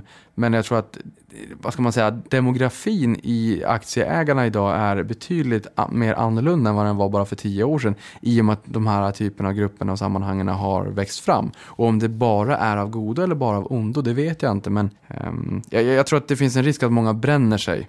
Jag har sett vissa forum där det är liksom rena falsarier. Jag är så, sugen på att säga vilken Facebookgrupp det här är. Många kanske känner igen det här. Det är rena lögner man för sig med. Och jag, blir, jag ringde faktiskt upp både Ekobrottsmyndigheten och Finansinspektionen eh, när jag såg det där. För jag blir tokig på sånt där. Det finns ett citat från Charlie Munger, jag, tror, jag är inte 100% säker att det är Charlie Munger, men han säger att eh, om du ska kunna argumentera mot någon ska du kunna deras argument lika bra som du kan ditt egna, om inte bättre. Och eh, det tycker jag klingar rätt bra med eh, om du ska göra en investering. Då ska du kunna riskerna lika bra eller bättre som fördelarna med att investera i bolaget. För jag tror att väldigt många gör felet att de eh, ser ett bolag, det verkar schysst och så kollar de bara varför är det här bolaget schysst. Och så kanske, ja men det är lite risker men de lägger inte så mycket vikt vid det. Och då kommer du få ett väldigt skevt perspektiv på bolaget och eh, ja, du kanske råkar trampa i elden, vad man brukar säga. Ja, och det man ser ganska ofta tycker jag, speciellt om man kollar de här forumen och så, är ju att man ser att så fort en, en kursen går ner på ett bolag, till exempel ett bolag vinstvarnar eller de släpper en riktigt dålig rapport eller någonting, så är reaktionen då, då har man lyssnat på typ Buffett och säger ja men man ska ju bara köpa mer, man ska köpa när det svider som mest. Men man har ju helt tappat greppet om vad det finns för fundamental värdering. Liksom. Och att det, anledningen till att det går ner är ju för att bolaget går sämre. Och det är en ganska farlig fälla också att hamna i. Ja, och sen är det, det, det är lite annorlunda flöden nu för tiden också. Jag menar, blankare är ju betydligt mer, jag menar, det är ju inte heller lagligt i alla länder att blanka aktier. Och jag menar, någonstans om du har en blankning på noll, ja det är ju väldigt lite blankning, det är ju ingenting. Eh, och har du en blankning på 10% av kapitalet, det är ju extremt högt. Då liksom blinkar ju alla lampor illrött. Och just de här flödena att vissa analyshus på stan kanske snackar ner en aktie för att den ska falla för att de själv ska kunna köpa. Och då ser man att då ligger de på köpsidan sen. Eller att blankar ska täcka och det blir short squeezes hit och dit. Och men, det här är ju någonting som gör, just när det blir väldigt, jag vet inte men jag tycker flödet ser annorlunda ut nu än för eh, 10-15 år sedan. Och att det också kan skrämma småsparare. Och jag tycker att, jag blir ju lite ledsen när man ser småsparare som bränner sig på börsen och som kanske väljer att lämna för att man tyckte att det här var inget roligt, det här var inte för mig. Här vill man snarare försöka förklara hur det faktiskt ligger till. Jag menar, de här flödena i det korta perspektivet är ju inte alltid rationella heller. Eh, men Jag menar på, på riktigt kort perspektiv, då är ju aktien egentligen bara ett derivat av förväntan på bolaget. Och det kan vara en, en broken stock, behöver inte vara broken company som Jim Cramer på Mad Money CNBC brukar säga. Eh, men på lång sikt så, så tenderar ju aktien självfallet att följa den underliggande utvecklingen på aktien. Ta Kopparberg som exempel. Där har bolaget, aktien har gått från 330 ner till 170 nu på kolen den här morgonen, 6 februari. Eh, I mångt och mycket så är det ju påverkan från pundet som har, som har varit negativt där. En valutakurs kan man ju inte, och även Brexit, det vet vi ju inte hur, hur det kommer påverka. Men bolaget kan ju inte fokusera på att försöka lobba för att pundet ska stärkas. De kan fokusera på att fortsätta sälja mer produkter. Och det här är samma sak, liksom, det kan vara stök i en aktie kortsiktigt. Men långsiktigt titta på fundamentan och på bolaget och på verksamheten. För det är ju faktiskt en de- andel av en verksamhet du köper. Och tror du på verksamheten långsiktigt, då kan det ju vara vettigt att köpa. Och aktien kommer inte att vara strängt kalkylerande och nyttomaximerande. Ja, den effektiva marknadsteorin tycker jag är nys. Och det har vi någonstans också sett de senare Nobelpristagarna med just eh, behavioral economics. ja. Eh, för att om, om effektiva marknadsteorin är vad, vad det står i teorin att vi ska göra så är ju behavioral economics snarare vad vi gör. Barn gör inte som du säger, barn gör som du gör. Ja, vi såg väl det framförallt för när Eugene Fama fick Nobelpriset, var det 2013 eller 2011? Då fick ju Robert Schiller det också, han sa ju exakta motsatsen. Ehm, så, men jag, jag tror väl att ingen som är involverad med aktiv investering tror på eh, effektiv marknadsteori. Då måste man ju ha skygglappar på i sånt fall. Ja.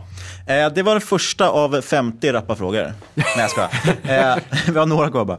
Om du skulle göra en entry på en ny marknad utanför Sverige, vilken hade du valt och varför? Och jag vet inte hur ni tolkar frågan. Jag tolkar som att, låt säga att du inte har tillgång nu till Sverige, men då kanske du säger USA. Men du får inte det heller. Du får vara någon som du inte har varit på förut. Ja, nej, jag hade sagt USA. Och anledningen till varför jag hade sagt USA är för att man har ju ofta home bias, så att vi, vi har ju bolag runt omkring oss. Antingen kanske vi jobbar på bolagen, ser dem i nyhetsflödet, vi har kompisar som jobbar där. Exakt, man det är därför jag så. stryker USA. Ja, och exakt. För USA, både produkter och tjänster, så har man produkterna, sin iPhone eller tjänster, sin, sitt Netflix-konto väldigt nära till hands också. Ehm, men eh, utöver det så skulle jag nog, då håller jag mig nog innan, inom eh, Norden. Och jag skulle nog säga att, ja, ant Sverige, nej Sverige, det, det får jag ju inte i och för sig, där är jag redan. Eh, Norge, Finland eller Danmark såklart. Och sen är väl frågan lite grann vad man vill komma åt. I Finland så är det ju väldigt mycket råvaror. I Norge är det mycket energi. Lax förvisso, Jag och kan- Danmark mycket läkemedel. 20% av danska börsen är läkemedel. Jag kan tänka mig att det han ville få ut den här frågan som har ställt är nog vilken börs du tycker ser intressant ut. Jag får alltså inte prata runt det. Nej, jag kan tänka mig att det är det de menar. Ja, vad tycker du Niklas? Ja, Japan. Är det Japan? Nej, jag vet Ja, inte. det går så långt bort. Ja. Nej, men vad, Eh, ja. ja, Okej, ja, men då säger jag att den kinesiska marknaden tror jag, eh, det tror jag nog kan vara ganska spännande. För att det händer väldigt mycket där just nu. Eh, Vi har ju Shenzhen är ju ett område där som är motsvarigheten till USA, Silicon Valley. Och jag var i Silicon Valley i november förra året och träffade ett antal bolag. Eh, Och då eh, fick jag också lära mig, eller egentligen dessförinnan i augusti så var jag ju på, på amerikanska börsen och då, då, redan då lärde jag mig väl att Nasdaq-börsen, Nasdaq-indexet är väl en 2200 aktier någonting. 24,5 24,5 procent, nästan 25 procent eller en fjärdedel av Nasdaq-börsen utgörs av techbolag. Ungefär lika mycket på S&P 500 som är de 500 största börsbolagen i USA. Men i USA, är det i Kina Ja, det så är väl är... inte ens techbolag, det är väl FANG, rätt specifikt. Fang, Fangbolagen är ju de absolut största, men jag menar, du har ju även i Ta Nasdaq 100 som exempel, alltså de största, 100 största X-financials, där är det ju väldigt mycket techbolag i toppen där också, för du har ju liksom halvledarbolagen eh, som en, en stor sektor. Eh, andra techbolag som man kanske inte tänker på, någon som jag jobbar med varje dag är ju Adobe eller Adobe med Premiere Audition och Photoshop och allt vad kan tänkas vara. De har gått upp till molnet nu eh, och, och även gjort en abonnemangsform istället. Aktien har formidabel kan man säga, har formligen rusat de senaste åren. Så att de bolagen som också anammar ny teknologi och som går till molnet, det är spännande bolag, spännande tillväxtområden. Någonting som vi pratade om mycket när vi var där var Internet of Things, när allting ska vara uppkopplat. Eh, e-handel, clouding, det här växer ju explosionsartat och där finns det rätt mycket eller rätt många bolag som man inte riktigt tänker på utöver FANG. För FANG det är ju, liksom, det är ju enormt eh, det är både stora bolag i sig självt isolerat, men tar man och klumpar ihop marknadsvärdet på de här bolagen så är det ju också enorma värden vi pratar om. Men det finns många bolag där under som också är riktigt spännande, som växer väldigt, väldigt snabbt. Men i Kina så är en större andel av deras index tech än vad det är i, eh, i USA. Sen vet inte jag hur, hur de riktigt mäter när de säger det. Vi har ju liksom, då Tencent, du har eh, Baidu Alibaba och då kan man tycka att Baidu Alibaba och JD de, här, de är ju noterade i USA. Och där vet jag inte riktigt om det är så att man bara tar de riktigt kinesiska bolagen, de onoterade, eller om man även väljer med de som är noterade i USA men som är kinesiska. Det vet jag faktiskt inte. Men jag blev ganska nyfiken när jag insåg att, att sektorn har en större koncentration i Kina. Ja, i alla fall om du säger som du sa förut att du gillar den här strukturella tillväxten, att marknaden ökar, då är ju Kina riktigt intressant. De, risken där, ja det är ett högt belånat land, men de kommer ju bli en större och större makt längre fram. i- Dock, dock är ju de största skulderna som finns i Kina, det är ju från statliga bolag och statliga verksamheter. Eh, alltså som är framförallt att man har pumpat ut pengar för att eh, bygga spökstader och sådana såna grejer. Så det lär kanske inte falla tillbaka så mycket på till exempel Tencent och Alibaba. Och dem. Vi tar nästa fråga. Ja, det här har vi nästan fått eh, svar på. Men vad har haft mest betydelse för ditt kunnande? Finns det något specifikt som gjort att bitarna börjat ramla på plats? Dels så är det ju erfarenhet, att man har varit med under en längre tid och, för, och försöka eh, och vara öppen för att man, liksom, man, man aldrig kommer kunna allt utan man hela tiden vill lära sig mer. Och då, liksom varje dag, jag lägger flera timmar varje dag på att läsa. Eh, och det är klart, jag har morgontidningar med Dagens Industri och eh, liksom Affärsvärlden och Börsveckan och jag tittar på massa klipp på, på YouTube, inte minst med Jim Cramer, Mad Money. Jag lyssnar på 30 timmar podd i veckan. Nu ligger jag lite efter för 30 timmar. Då inser jag att det är ganska utmanande att, att få, få tid till det. Men jag har allt som oftast eh, hörlurarna i, i örat och lyssnar på poddar. Jag lyssnar på conf calls. Jag bevakar samtliga nyheter i min terminal varenda dag. Sen är det inte så att jag läser allting, men jag ögnar igenom och flackar på precis allt. Ehm, och sen så pratar jag med många människor, jag försöker inspireras av andra, jag läser böcker. Ehm, så att, eh, och, och sådana här key, keynotes exempelvis. Många tittar ju på Apples keynote när de släpper nya produkter. Det är många andra bolag som har sådana keynotes också. Och eh, F8 på, för Facebook där de pratar om framtiden, fem och tioårsplaner års planer och Nvidia, AMD eh, och Intel, jag tror inte att det är jättemånga som tittar på dem. Eh, och det ska inte jag säga att jag har gjort i alla tider heller, men man får rätt mycket spännande information och såna här aha-upplevelser. Och just någonting som jag rekommenderar som jag har börjat med de senare åren, det är ju verkligen mycket amerikanska poddar. Och att få liksom det tugget eh, därifrån och vad som pratar om där. Men det är världens största kapitalmarknad och en av världens största ekonomier. Mycket händer ju där och det har vi inte sett minst de här senaste dagarna. Att det har varit stökigt på börsen för att det är oro för, för liksom lite grann stigande inflation i USA och även stigande räntor. Och det är, det är ju inte för inte som den här rädslan sprider sig, för det är världens största kapitalmarknad. Det är i mångt och mycket de som driver utvecklingen globalt. Det som är intressant med amerikanska börser också, det känns som att man får ett helt annat, eh, helt annat insikt än vad eh, man får på från många svenska poddar. För, eh, det, jag vill bara tillägga att det finns två bra svenska poddar. Ja, Market Makers och Investeraren. Ja, men, bara så vi eh, får det sagt, så ingen slutar lyssna. Ja, men, men för, för att i USA, då har ju liksom, du har ju hedgefonder eh, som egna poddar, du har de största venture capital-firmorna, private equity-firmorna, de kan ju ha egna podcasts där eh, folk som jobbar där och har hand om investeringar kommer ut och har sin egna podcast och snackar. Så då får du ta del av liksom vad de faktiskt sitter och funderar på, på själva företaget. Och du får en helt annan insikt än... Det där är lite konstigt. Jag, jag har det är ungefär no som Christer Gardell skulle starta en egen podd. Ja, för jag har sett några banker har ju poddar och jag vet inte om det finns några födda, men det, det är egentligen konstigt att det inte är mer egentligen. Typ EQT som borde starta en podd eller alltså, sådana grejer egentligen. Ja, och det där är men, intressant. Det är ju ett lätt sätt att nå ut till väldigt många. Vi var approcherade av ett eh, PE-bolag eh, här i Sverige, ett av de större, för en tid sedan som ville komma till, till vår tidigare podd och prata just om eh, private equity-bolagen. Och de är ju lite grann, får ju utstå ganska mycket kritik i media och de ville väl prata om sitt perspektiv och sin syn på det hela. Men ja, fler kanske borde göra det här för det är ju ett enkelt sätt att nå ut. Och jag menar, när jag poddar i min podd så eh, jag vill ju att den stunden ska vara ett sätt att för mig också lära mig. Jag menar, här var ju frågan vad jag har lärt mig som allra mest när poletten börjar trilla ner. Eh, eh, livets hårda skola är ju också väldigt bra att man learning by doing, att våga göra misstag. För Warren Buffett har ju sagt att eh, learn from your losses, you paid for them. Så att när man gör misstag och vågar göra misstag i tidig ålder, för min portfölj är mindre idag än vad den kommer att vara imorgon eller om tio år.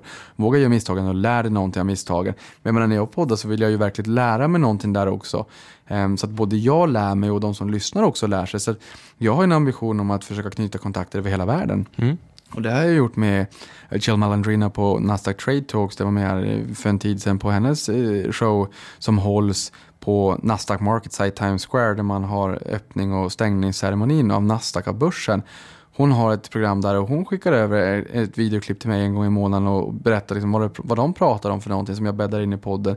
Jag har även fått en person i Silicon Valley, en förvaltare som kan eh, kommentera lite grann hur de tänker och vilka bolag som de tycker är spännande och varför och sådär. Min ambition är ju att hitta människor över hela världen för att kunna hitta det här spännande materialet och inte bara få ut en podd varje vecka. Det, det jag pratar och försöker lära ut andra utan jag vill ju också lära mig. Och det är ju precis som vi var in på här tidigare, för tio år sedan så fanns ju inte investerarcommunityt. Det är ju någonting jag är otroligt tacksam över. Just med, med social media och den spin-offen av social media. Att, att, att jag, att ni, att vi har hittat ett, ett gemensamt sammanhang och kunnat inspirera och motivera varandra. För vi bor ju i lite olika delar. Linköping är ju inte jättelångt från Stockholm. Ehm, men, men det är fortfarande så att internet har gjort världen mycket, mycket mindre och vi kan inspirera varandra liksom Twitter har ju gjort världen tvådimensionell. Vi kan prata med människor över hela världen i, I när som helst. tecken. I 280 numera. ja, 280. till, till mitt, till mitt icke-förtret, antiförtret, till min glädje. Jag tror att alltså, det största liksom så här förändring som jag har gjort som har gett mig en positiv, positiv impact, det var faktiskt att jag slutade liksom följa så mycket dagligt. Mindre, det känns som en mindre brus. Jag, det var för några år sedan jag liksom läste allting kom ut varje dag. Men om två veckor spelade inte det någon roll. Och istället skala tillbaka det och börja kanske läsa lite mer kvalitativt. Du kanske läser böcker. Du säger att du är intresserad av e-handel. Du kanske läser liksom böcker om e-handel, om framtida marknaden från eh, personer som är liksom rätt, eh, rätt inne. De kanske jobbar på till exempel Alibaba i 20 år. Sen går de ut och skriver en bok om e-handeln och e-handels framtid.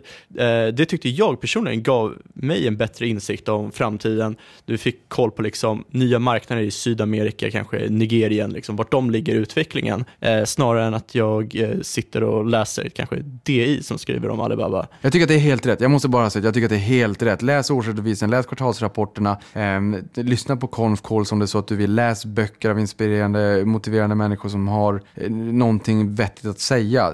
Nu låter det drygt, alla har väl någonting vettigt att säga, men det här informationsbruset varje dag. Eh, jag tror inte att vår generation riktigt är anpassningsbar anpassningsbara för att kunna filtrera det. Våra barn, eh, du och jag Niklas, vi sitter mitt emot varandra här och, och, och ler. Våra barn kommer säkert vara duktigare på det än vad du och jag är. Eh, och vi är duktigare på engelska än vad våra mor och farföräldrar var. Jag kan inte riktigt filtrera det här bruset. Jag har inte ett, ett inbyggt filter för det. Jag borde ha det. Och jag, tycker, jag blir glad när jag hör dig säga att liksom backa bak, var lite mer offline, läs det här kvalitativa istället. För det, för det blir det ungefär det jag skulle säga också, instämmer bara. För framförallt som du nämner, typ med, nu ska vi inte skicka någon skit på Dagens Industri, men det får stå som ett De exempel. Då.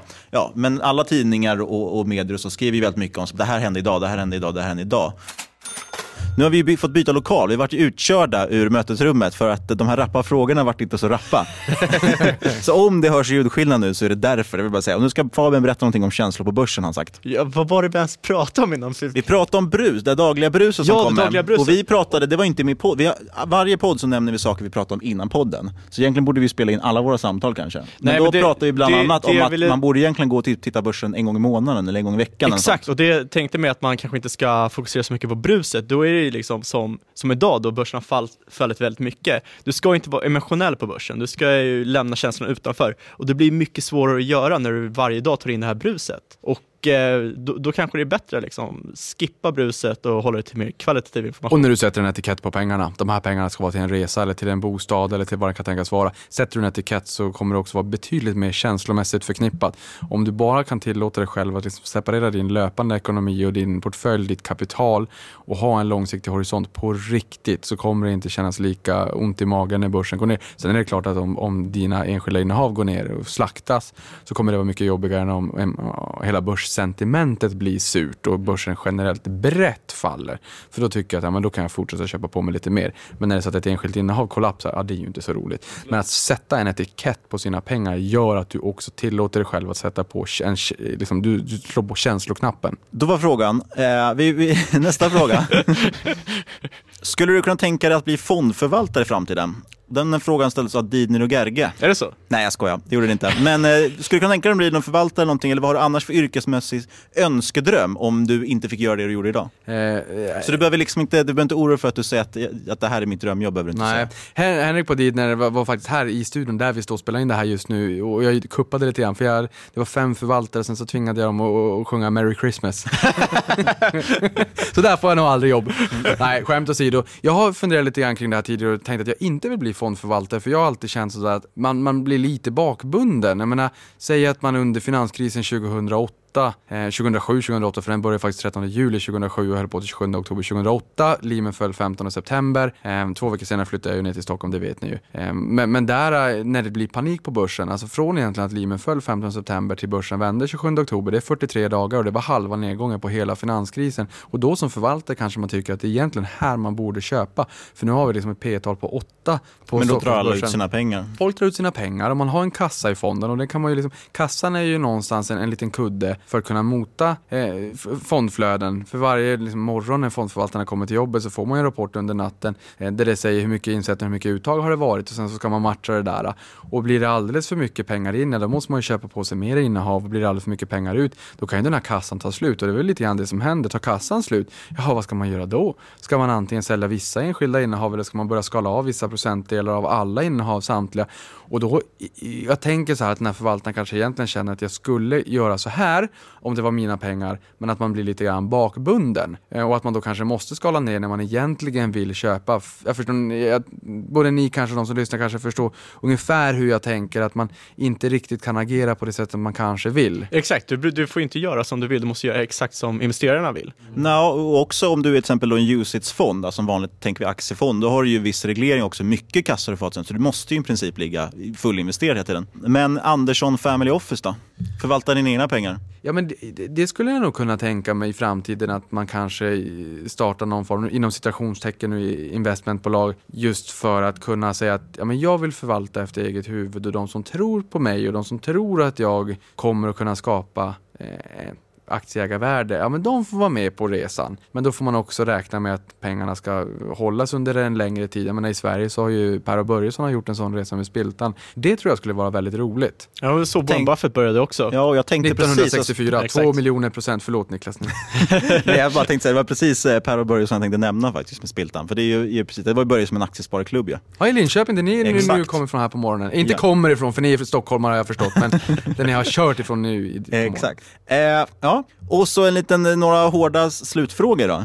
En som jag kallar call the top. Vad blir nästa kris? Ja, alltså traditionellt så brukar man väl säga att det som karaktäriserar en riktig kris eller en black swan om man så vill, det är ju att man inte riktigt kanske kan räkna med den. Eh, men någonting, oh, ja vad kan man inte räkna med nu? Men det man skulle kunna, eller Kina och skuggmarknad och skuldsättning och hit och dit, det man kan räkna med tror jag, eh, och det många är oroliga för, det är ju när de globala centralbankerna ska ta bort bålskålarna och frågan är om festen är klockan 10 eller 03.00 eller 5 i 5 på morgonen och vad som händer när man drar bort den här överlikviditeten. Nu är det inte så att alla centralbanker är ute och köper aktier, men det finns de marknader som gör det, bland annat Japan. Ja, och Schweiz äger väl Apple-aktier? Ja, de är väl största ägaren av Apple.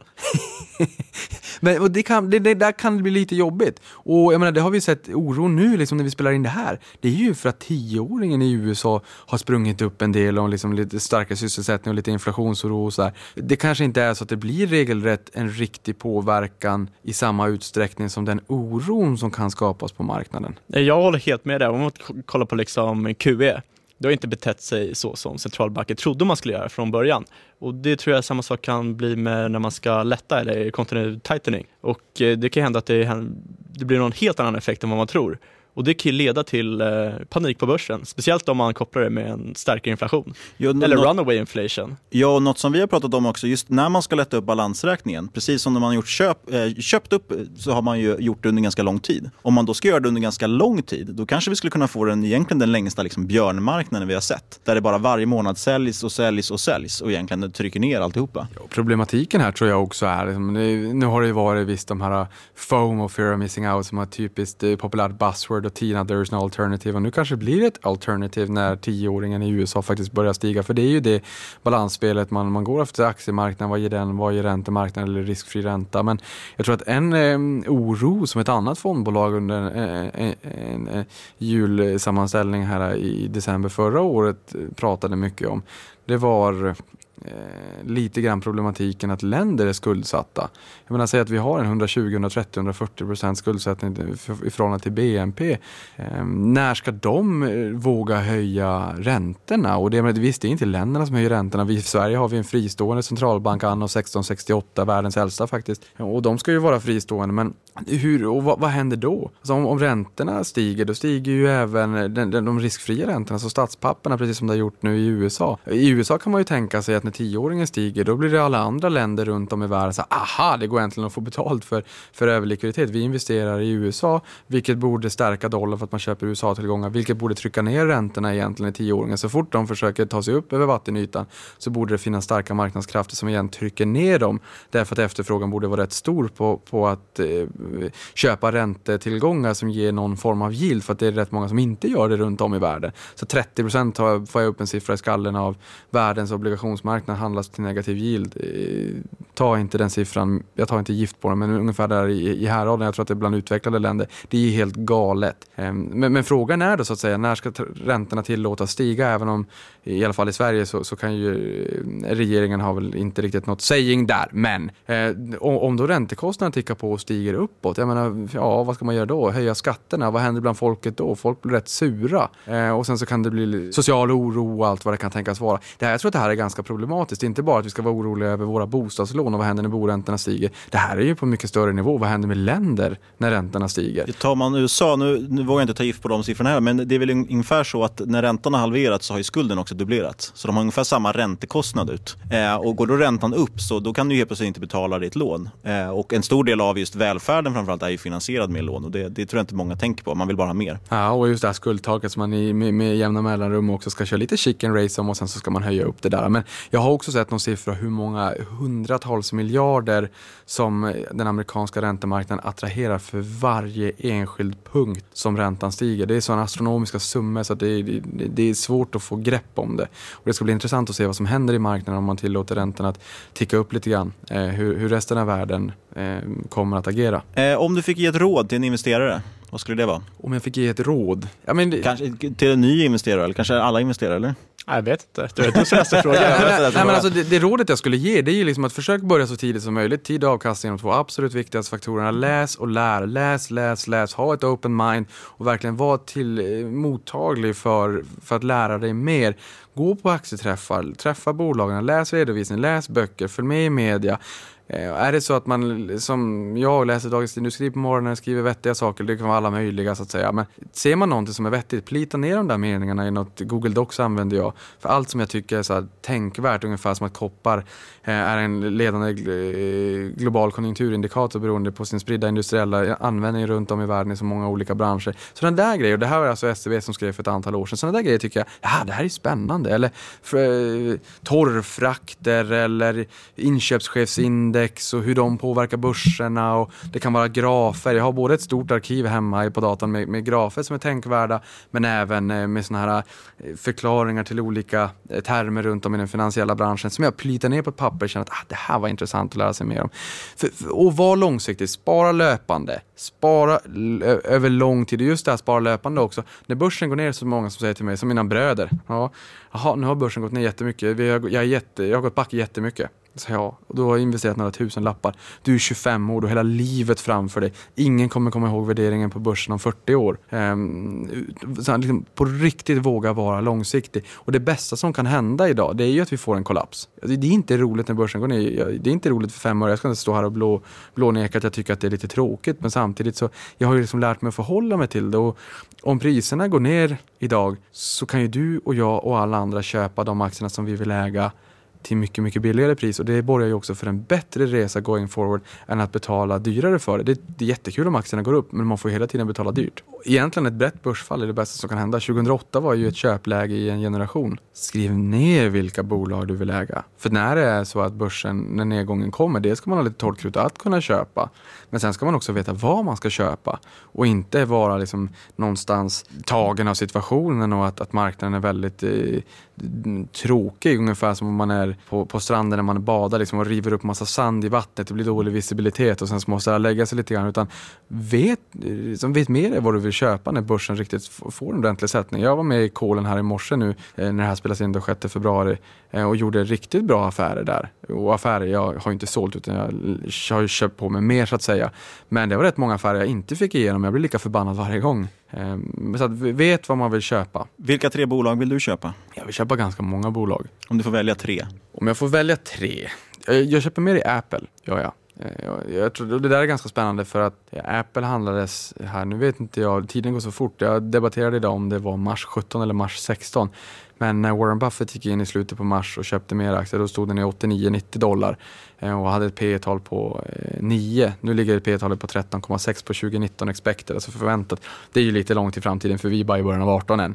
Men där tycker jag fortfarande att bolaget har verkligen bevisat att man kanske inte riktigt är en one trick pony och att servicedelen växer ganska ordentligt. Det är väldigt nedpressat för att vara liksom världens största publika bolag. Det är det och det bolaget känner jag att mm, det där tycker jag är spännande. Sen har jag köpt lite grann i Cinnober också efter jag spelade in min egen podd när Sinober och Veronica Augustsson gästade. Där får jag liksom alltid vänta till efter poddavsnittet har släppts, vilket det, det är självfallet, det är självvalt och sen om jag inte hade valt det själv så hade någon nog slagit mig på fingrarna och sagt att det är krav. Men jag vill liksom inte köpa innan det har kommit ut. Och det tycker jag också var, var liksom spä, ett spännande bolag som eh, jag tyckte att ja, men det där känns lite trevligt. Och sen, vad ska vi mer säga? Det är så svårt att välja enskilt innehav sådär. Ett bolag som är ganska högt värderat som jag redan har i portföljen det är ju Assa Abloy som kom med en, en fin, eh, ett fint bokslut idag Eh, där man sa att om Amazon lyckas med det de vill göra så har vi, ser vi förmodligen starten på en riktigt kraftig tillväxt. Och det kommer till de låsen där man kan låsa upp på distans där, man, där Amazon, där du kan köpa någonting där och de bara levererar hem till dig. Och jag vet att Rickard Bråse på Dagens Industri skrev för något år sedan just om Assa Abloy att eh, 85 procent av marknaden i Sydkorea var digitaliserad med så elektroniska digitala lås som håller i 15 år och så ska det uppdateras firmware och updates så det ska vara appar och hit och dit. Men i Sverige så har vi liksom mekaniska lås som håller i 40 år. Det där är ganska spännande tillväxt men, men, men smakar det så kostar det. Och det är också ett sånt bolag som jag tycker hade varit trevligt att kunna köpa på sig mer av om vi får en riktigt sur marknad. De är och, och, och, det ska jag också säga att eh, Assa Abloy har, vi slutar aldrig prata, men Assa Abloy har ett mål om att minst 25 procent av försäljningen ska komma från produkter som inte fanns för tre år sedan. De ligger någonstans kring 30 procent. Eh, det tycker jag är ganska imponerande faktiskt. Sen Storytel är en annan sån där också. Jag har inte Storytel och de har gått upp jättemycket. Men där sitter jag hemma på min kammare och funderar, liksom, content är ju verkligen king. Och det, den vallgraven de har är ju att de köper på sig bolag i en, en bransch som kanske har lite utmanande bokförlagsbranschen. Och sen köper man bolagen till ganska billiga multiplar och sen så läser man in de här och får liksom skalbarhet i den plattformen man har. Och då kan man ju tycka, ja men vem som helst kan ju göra det här. Jo, men man köper ju rättigheterna. Det är det som är det spännande. Jag har lyssnat till bolaget några gånger och de har sagt att det här är ju ett race om rättigheter. Så, ja, sådana, sådana där teman. Det som är intressant med Storytel också, deras, hela deras business model är väldigt likt eh, Netflix. Att du har prenumeration. Eh, och jag kan tänka mig, i och med det att folk har liksom mindre tid, kanske det är bra att lyssna på böcker och få lite mer kvalitativ information. Eh, men också när man kollar på typ konkurrenter, för jag signade upp på Amazons motsvarighet. Och jag trodde det skulle vara som Storytel fast större utbud. Men det var i stort sett att betala en prenumeration, sen ska du betala för böckerna också. Så det blir en helt, eh, den modellen tror inte jag håller riktigt. Så Storytel kan ju potentiellt vara riktigt intressant. Ja, dock har de ju konkurrent både Bookbeat och sen vet jag att Bokus ska ju leverera ett, eh, lansera ett eget alternativ också. Det är ingen konkurrent. Ja, och det här är ju, eh, det är ju intressant just det här med, med Bokus, Akademibokhandeln. Det är ju Volati som äger dem och de har ju användare, de har inte plattformen idag och inte inte rättigheterna mig veterligen så, men de har ju verkligen användare. Jag tror att de skrev att de hade 1,2 miljoner eh, användare, vilket det, det är rätt stora tal vi pratar om.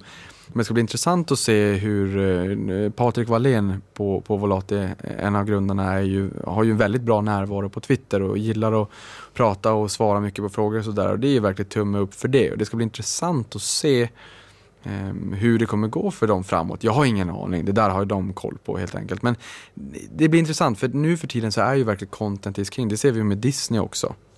Eh, när man själv, säger att man själv ska bygga ut sin distribution, man har content. Sen har marknaden varit lite orolig för att man inte haft distributionskanalen. Eh, och sen sa man, ja men då gör vi det då. Då vart marknaden orolig för det istället. Men äh, det, mm, det är väl det. Sen äh, ja, det finns väldigt många spännande bolag. Men just sådana där, de frågorna klurar jag lite extra på, på kvällarna. Eh, och jag har inte svaret helt enkelt. Men de bolagen, om de kan tänka att gå ner lite extra mycket vid marknadsoro, då kan jag nog tycka att det är lite spännande eh, att kanske plocka på sig lite mera. Grymt, då avslutar vi med var man kan följa dig någonstans. Ja, man kan följa mig på Twitter Eh, under, hashtag kan man ju inte säga, men handle eller vad man då säger, investeraren. Ät. Snabel A. Det är ju sant. Ät investeraren helt enkelt. Ingen podd eller någonting sånt? Jo, jo, jo. Herregud, nu har vi pratat så mycket, det har nästan tagit slut. Jo, ät investeraren på Twitter, ät investeraren på Instagram eh, och sen så har jag podcasten Investerarens podcast. Och Avanza Play där vi står i nu också så att säga. Så lite överallt. Grymt. Tack så mycket för att vi fick komma hit. Tack. Tackar. Sådär, då var vi i hamn. Vi ska inte dra ut allt för länge på det här eh, avsnittet, för att det har hållit på väldigt länge. Niklas Andersson måste jag bara säga, fruktansvärt trevlig kille att snacka med. Det fanns en anledning till att det drog ut så länge, för att han ville bara prata och prata och prata. Och vi och hade massor med frågor. Också göra. Det var sjukt bra, sjukt roligt att träffa Niklas. Ja, och eh, Nästa vecka då kommer vi prata Japan, eller hur Fabian? Jajamensan, vi kommer prata om lite roliga, intressanta case. Yes, och varför Japan kan vara en intressant, eh, intressant marknad att investera på framöver. Men vi ska också dra en kort disclaimer som vi måste göra nu för tiden. Eller ja, det är väl bra att göra det nu för tiden. Inget du har hört i den här podcasten ska ses som rådgivning. Alla åsikter är våra egna eller våra gästers. Och eventuella sponsorer tar givetvis inget ansvar för det som sägs i podden utöver det sponsrade meddelandet. Och så måste du tänka på att alla investeringar är förknippade med risk och sker under eget ansvar. Yes, och vill ni kontakta oss gör ni det på podcast.ipo.se eller på Twitter under atmarketmakerspodd. Och ett stort tack till Systemhus AB som sponsrar denna podd och till IPO.se som vi har samarbete med. Och man kan givetvis gå in på ipo.se för att läsa mer om Systemhus nyemission och deras kommande notering. Och nu när IPO-säsongen är igång igen kan man ju säga, så kommer vi också inleda med lite mer IPOs från och med nästa vecka. Exakt, jag kan tänka mig att det är många lyssnare som har saknat den delen, så det, det kommer garanterat börja rulla på igen. Och sist men absolut inte minst, stort tack till dig som har lyssnat på podden. Vi hörs igen om en vecka. Ha det bra!